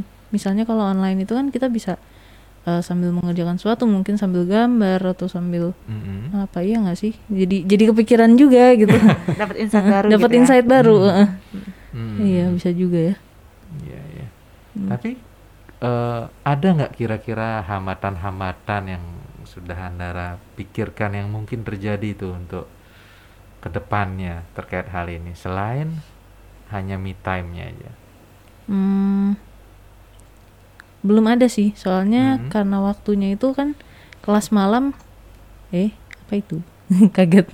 kelas malam itu kan memang disiapkan untuk Hmm. orang-orang yang bekerja. Bekerja. Mm-mm. Hmm. Jadi eh, memang sudah lebih fleksibel dari Hmm. dosen-dosennya pun lebih lebih paham lah kalau misalnya orang yang bekerja itu pasti nggak bisa datang tepat waktu mungkin jadi Hmm. eh, ada kalau misalnya offline ya bisa datang lima menit eh, boleh terlambat lima menit atau 10 menit kayak Hmm. gitu Jadi banyak ada kemudahan iya juga sih ya. iya ya benar juga sih Itu setiap hari tuh kuliahnya belum atau dari hari apa sampai hari apa? oh Senin sampai Jumat Full juga ya? Iya, tapi nggak hmm. nggak nggak semuanya mungkin. Jadi mungkin ada Rabu cuma satu mata Hmm. kuliah mungkin atau apa baru dikasih tauin nanti sih. akhir Sabtu September. Minggu weekend Oh, Weekendnya kosong, kosong ya paling kerja aja sih. kerja. Mm-mm. Kalau me time-nya Anda apa biasanya yang yang menyenangkan nih? Gambar, Gambar, Mm-mm. mm-mm, denger musik, dengar musik, nonton film, nonton film. tidur. Iya, tapi kalau gambar itu kan juga bisa ya sambil kuliah kayak tadi kan kuliahnya juga melebarkan sayap di gambar ya kan? iya, iya bener juga sih di desain. Mm-mm. Mm-mm. Jadi Sabtu Minggu Bisa Free. dipakai ya. apa nih yang bisa dioptimalkan Sabtu Minggu nih? Bisa minimal bisa tidur. Iya. tidur Oke. lebih banyak bisa olahraga juga oh ya hobi Hmm. juga olahraga Eh, selain karena emang pengen nurunin berat badan Hmm. dan emang suka juga iya sih ternyata banyak opsinya ya Opsi. Ini ada ya? Mm-mm. jadi dapat insight baru bener Iya. Lalu aku mau tanya nih satu Hmm. hal lagi. Iya. Kira-kira gimana perasaannya eh, akan tahun nih? Wah, kuliah Hmm. habis ini kerja gitu. Apa hal-hal yang dirasakan saat membayangkan bakal mengerjakan kedua hal bersamaan? seneng justru Senang justru Mm-mm, ya. ya karena memang pada dasarnya aku suka belajar Mhm. terus jadi eh, karena satu satu jalur juga satu bidang Mhm. jadi cukup senang sih Hmm. gitu sama bidangnya juga emang senang graphic design kan Hmm. gitu Oke deh. oke terima kasih banyak Iya. Jadi eh, ketika misalnya Hmm. ada hal-hal yang seperti ini kita mempunyai suatu harapan Mm-mm, tertentu, mm-mm. nah kita mesti coba tuh suatu teknik yang namanya mental contrasting. oh apa itu Eh, jadi bagaimana kita eh, menyiapkan kemungkinan yang terburuk gitu Oh, terjadi, oke. ya kan? ya Ada eh, wish misalnya harapan, Nah, lalu kita mesti cari nih obstacle-nya, hambatan-hambatan untuk Oh. mencapai harapan itu terjadi. Oke. Lalu ketika kita udah bisa mengidentifikasi hambatannya, ya kita bisa menyusun planning. Nah, Hmm, lalu iya. apa nih rencana-rencananya ketika hambatan-hambatan itu terjadi? Kayak worst case-nya gitu ya. Iya. Jadi kita udah udah tahu lah caranya Hmm, hmm. menanganinya gimana. Ya, jadi menyiapkan nih untuk Mm-mm. kemungkinan yang terburuk, Terburuk. yang mungkin Mm-mm. terjadi. Ya itu mungkin bisa dicoba ketika kita melakukan sesuatu dengan goal tertentu. Oke. Iya. Oke, terima kasih semuanya. Ini emang berdasarkan kisah nyata sih. Jadi sekalian gitu. Oke, teman-teman tahu ya baik. mau kuliah ya. Iya. Oh, iya. Berita gitu ya. Cie, jadi maba. Kemarin di ospek tiga hari lumayan. Oh, udah ospeknya. Udah Zoom, Oke. lewat Asik. Zoom. Oke, teman-teman baik semua, itu salah satu contohnya ya. Eh, Kira-kira ada yang mau coba nggak nih untuk jadi orang yang curhat dan yang mendengarkan? Ini Itu ada, pertanyaan, ya? itu. dari KS ya. Malam mau bertanya kalau untuk menanyakan keadaan seseorang yang pribadinya cukup tertutup, apakah boleh bertanya dengan melontarkan pertanyaan dengan mengira-ngira kondisi yang dialami orang tersebut? Hmm. Kamu kamu lagi sebel ya sama aku, misalnya gitu ya? Atau kamu lagi Mengira-ngira ya. Eh, mengira-ngira. Ya ini tadi udah dibahas nih sama Dwika ya. Hmm. Eh, Asumsi gimana berarti ya? cara iya kita mesti menghindari asumsi. Kita mulai dengan open question ya. Mm-mm. Iya. Tapi yang menarik itu eh, saya tertarik untuk mengetahui eh, keadaan ini ada kejadian apa ya sehingga kita ingin mengetahui keadaan orang yang pribadinya tertutup ya. Mm-mm. Apa kita tentu mulai dari perubahan perilaku yang dia tampak. Nah, itu mungkin bisa dibahas. Oh, ya. betul. yang Iya tadi ya, kan? yang kata Iya. Bu Ika ya. Ya. Kok kamu kelihatan Jadi berbeda ada jalan gitu. masuknya gitu Mm-mm. ya. Iya. Nah, mungkin dari sana tuh bisa. Mm-mm. Meskipun orangnya tertutup. Iya iya betul. Jadi sebaiknya tidak berasumsi. Aku mau mencoba jadi pendengar aja. Oh, oh mau mencoba. Oh, mau jadi pendengar. Oke. Nah, ya, Mm-mm. ada nih Satu yang lagi. yang mau mau curhat. Mm-mm. Nah, Selain mendengarkan juga boleh merespons ya dengan Boleh. yang tadi ah. yang kita udah ajarkan. ayo kita tawarin nih. Ada yang mau nggak yang? Ada yang mau curhat? Atau boleh mungkin misalnya kalau belum ada yang mau curhat, salah satu dari kita mungkin Boleh. eh, memberikan kasus ya. Oke. C- curhat boleh. ceritanya. Heeh, Ah. boleh ya? Boleh? Eh oh, unmute. Mbak O ya, berarti yang tadi. Halo. Halo. Halo, iya mau coba ya jadi pendengar ya? Duh, jadi takut ya. Oh, apa-apa santai aja. Nggak apa-apa loh. Ya soalnya ini sih eh, kan saya kemarin jadi pendengar buat teman saya itu, Mm-mm. tapi saya ya mendengarkannya waktu itu ke teman saya, saya coba dia ajak cerita ada permasalahan apa, tapi eh, dia dia cerita tentang masalahnya, tapi dia nggak pernah nangis, jadi matanya kosong gitu aja. Akhirnya ya aku sih eh, dia cerita, aku mendengarkan body language juga. Eh, ya kelihatan lah kalau aku peduli sama dia. Cuma dia tuh kan nggak pernah nangis sama sekali. Walau dia bilang dia nggak bisa nangis mau nangis nggak bisa nangis akhirnya aku bawalah dia aku temenin dia ke ke psikolog selama dua sampai dua kali pertemuan. Mm-mm. aku temenin dia dan dia bilang kalau dia bisa nangis eh, pada saat ngobrol sama psikolog. Dia nggak pernah nangis sebelumnya. Jadi eh, terus aku juga ajak dia ke psikiater. Waktu itu dia nggak punya uang jadi aku yang bayarin dia ke psikiater untuk pertama kali. Tapi ternyata itu yang pertama dan yang terakhir ya untuk eh, membiayai dia itu ya aku sih kemarin cuma jadi pendengar dia aja cuma kalau buat kayak kak eh, Ardan tadi kayaknya saya Mhm. nggak bisa jadi eh, pendengar dan ngasih respon deh kalau kasus seperti itu Oh, nggak apa-apa. Nanti kan kasusnya beda, bukan bukan kasus seperti aku. Nanti Oh, yang oke. yang ngasih Dokter Yudi atau Dwika ya. Boleh. Boleh?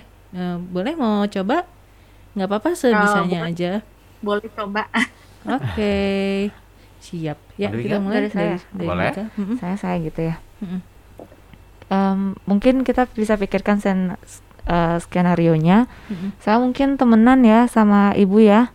Hmm, hmm, hmm. Ya. Ceritanya. Ceritanya kita temenan ya. Iya. Ah, Oke. Ah, oh, aku sebel banget nih. Kayaknya akhir-akhir ini aku suka nggak tahu, bingung aja gitu dengan apa yang aku kerjakan. Kok kayaknya aku bego banget, nggak fokus ngerjain apa itu sering salah. Pokoknya nggak tahu deh apa yang terjadi sama diriku. Hmm. Ah, ini aku jawab. Ya, silakan. Direspon saja. Uh-uh. Heeh. Oke. Senyamannya. Mm. Oh, eh, mungkin Mbak lagi ada masalah kah? Eh, jika ada masalah, coba diceritain ke aku. Eh, siapa tahu aku bisa jadi pendengar atau aku bisa membantu jika memang eh, aku bisa bantu. Tapi kalau enggak, paling enggak aku mendengarkan aja. Hmm, iya sih. Tapi masalahnya aku bingung banget nih sama diri aku nih akhir-akhir nih aku kayak sering gak fokus.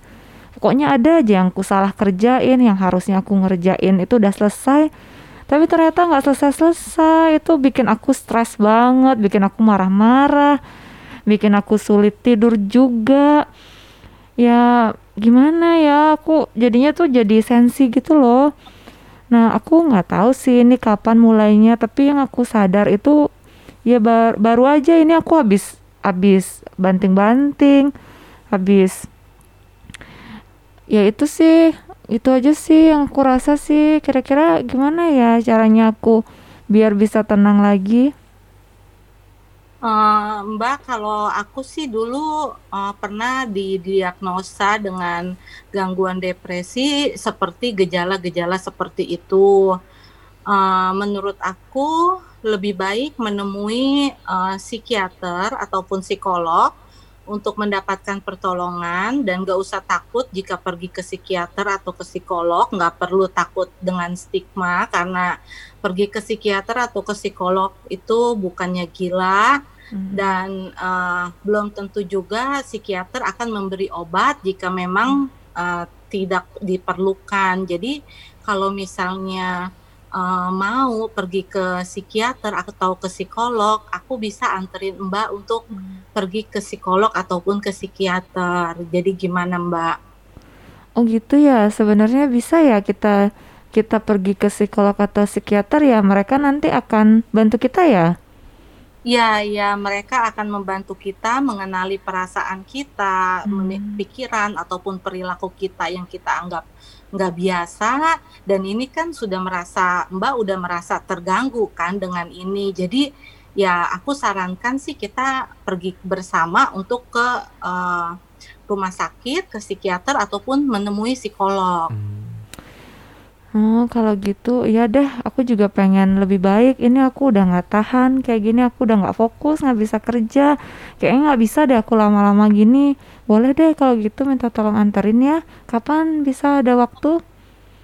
Ya kapan kamu bisanya kabarin aja. Terus tetap bertahan dulu sampai hari itu tiba nanti. ya oke. Kalau gitu nanti eh, aku hubungin dulu ya. Aku kayaknya mau ada yang aku selesaikan dulu. Aku berusaha dah selesaiin tugasku dulu ya Ya. oke terima kasih ya Oke, makasih ya dok. Eh, luar biasa banget. Bagus. Iya. hebat banget mbaknya Hebat loh. Hmm. Tenang lagi ya ngadepinnya ya. Iya, tadi juga eh ya karena saya teringat nih. Mm-mm. Nah, sekarang meskipun eh meski harus ke psikiater, eh, kendala biaya sebaiknya ya bisa ke dengan BPJS ya, dengan JKN itu masih juga eh, artinya tercover ya. Mm-mm. Nah, tapi rujukannya yang eh, perlu dari eh, dokter pertamanya baru ke psikiaternya. Iya, dari fase ke satu dulu Dari ya. fase satunya ya. Artinya jangan sampai karena alasan eh, biaya di musim pandemi ini ketika memang ada sesuatu yang memerlukan harus pemeriksaan, akhirnya jadi eh, enggak dan eh, ditunda seperti itu. Mm-mm. Iya betul betul. Iya, terima kasih Mbak O tadi sudah jadi pendengar yang baik ya. Iya, Hmm. betul Udah sekali. tenang. Jadi tenang loh Mm-mm. dan ada opsi lain. Oh, ternyata dia eh, mbaknya juga eh, apa meyakinkan gitu bahwa Iya. kita baik-baik saja Iya. kalau misalnya kita Iya. pergi ke psikiater psikolog dan kita jangan takut untuk di stigma atau malahan Mm. kita dibantu gitu. Jadi Iya. membuat eh, orang yang curhat itu jadi memahami oh ternyata nggak apa-apa loh kalau aku ke profesional gitu. Dan rasanya supportnya tuh kerasa banget. Jadi Iya. kayak wah ternyata ada yang mau bantu aku nih, Mm-mm, bahkan betul. mau nemenin ke sana Mm-mm, lagi. Iya bagus banget loh, serius. Dari XX Mbak O yang dikasih studi kasus aku ikut deg-degan. Ayo mau deg-degan bareng yuk. Jadi pendengar lagi. iya, jadi Mbak O udah menerapkan loh yang namanya psychological first aid ya. Iya, Iya. Jadi mendengar yang baik, lalu meng- memberi eh, link, Link. juga Mm-mm. sekaligus ya. Iya benar.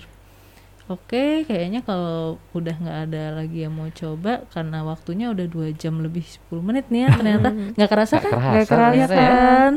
Nah makanya kita mungkin pamit dulu. Iya. Ini terima kasih banyak Dwika dan Dokter Yudi ya. Makasih banyak. Makasih Sama-sama. banyak. Beli komang teman-teman Terima semua. kasih Komang. Iya, banyak nih. Nah itu tangannya tuh. Nah, terima kasih udah berkenan hadir hari ini di Kopi Kental episode kelima. Udah Iya. sampai lima loh, lima Wow. minggu. Kelima. Heeh. Terus seru banget ngobrol-ngobrolnya dan tentunya kita semua dapat banyak pengetahuan baru nih. Terima kasih juga untuk teman-teman baik semua yang udah menyimak dari awal sampai akhir, melayangkan pertanyaan dan ikut praktik tentunya. Hmm. Ikuti terus Zoom Kopi Kental setiap minggu malam di waktu yang sama. Minggu depan kita akan membahas tentang logoterapi. Wah, luar Wah, biasa tuh. logoterapi. Menarik. Apa, Ah. Viktor Frankl ya? Yap. Oh Hmm. iya benar. Nah, apa itu logoterapi? Tunggu posternya dipublikasikan. Nah, selamat memperingati Hari Pencegahan Bunuh Diri Sedunia. Kami undur diri dulu. Terima kasih teman baik semua. Iya. Terima kasih. Bye-bye. Salam buat teman baik yang berbahagia. Iya, dadah. Dadah, terima kasih.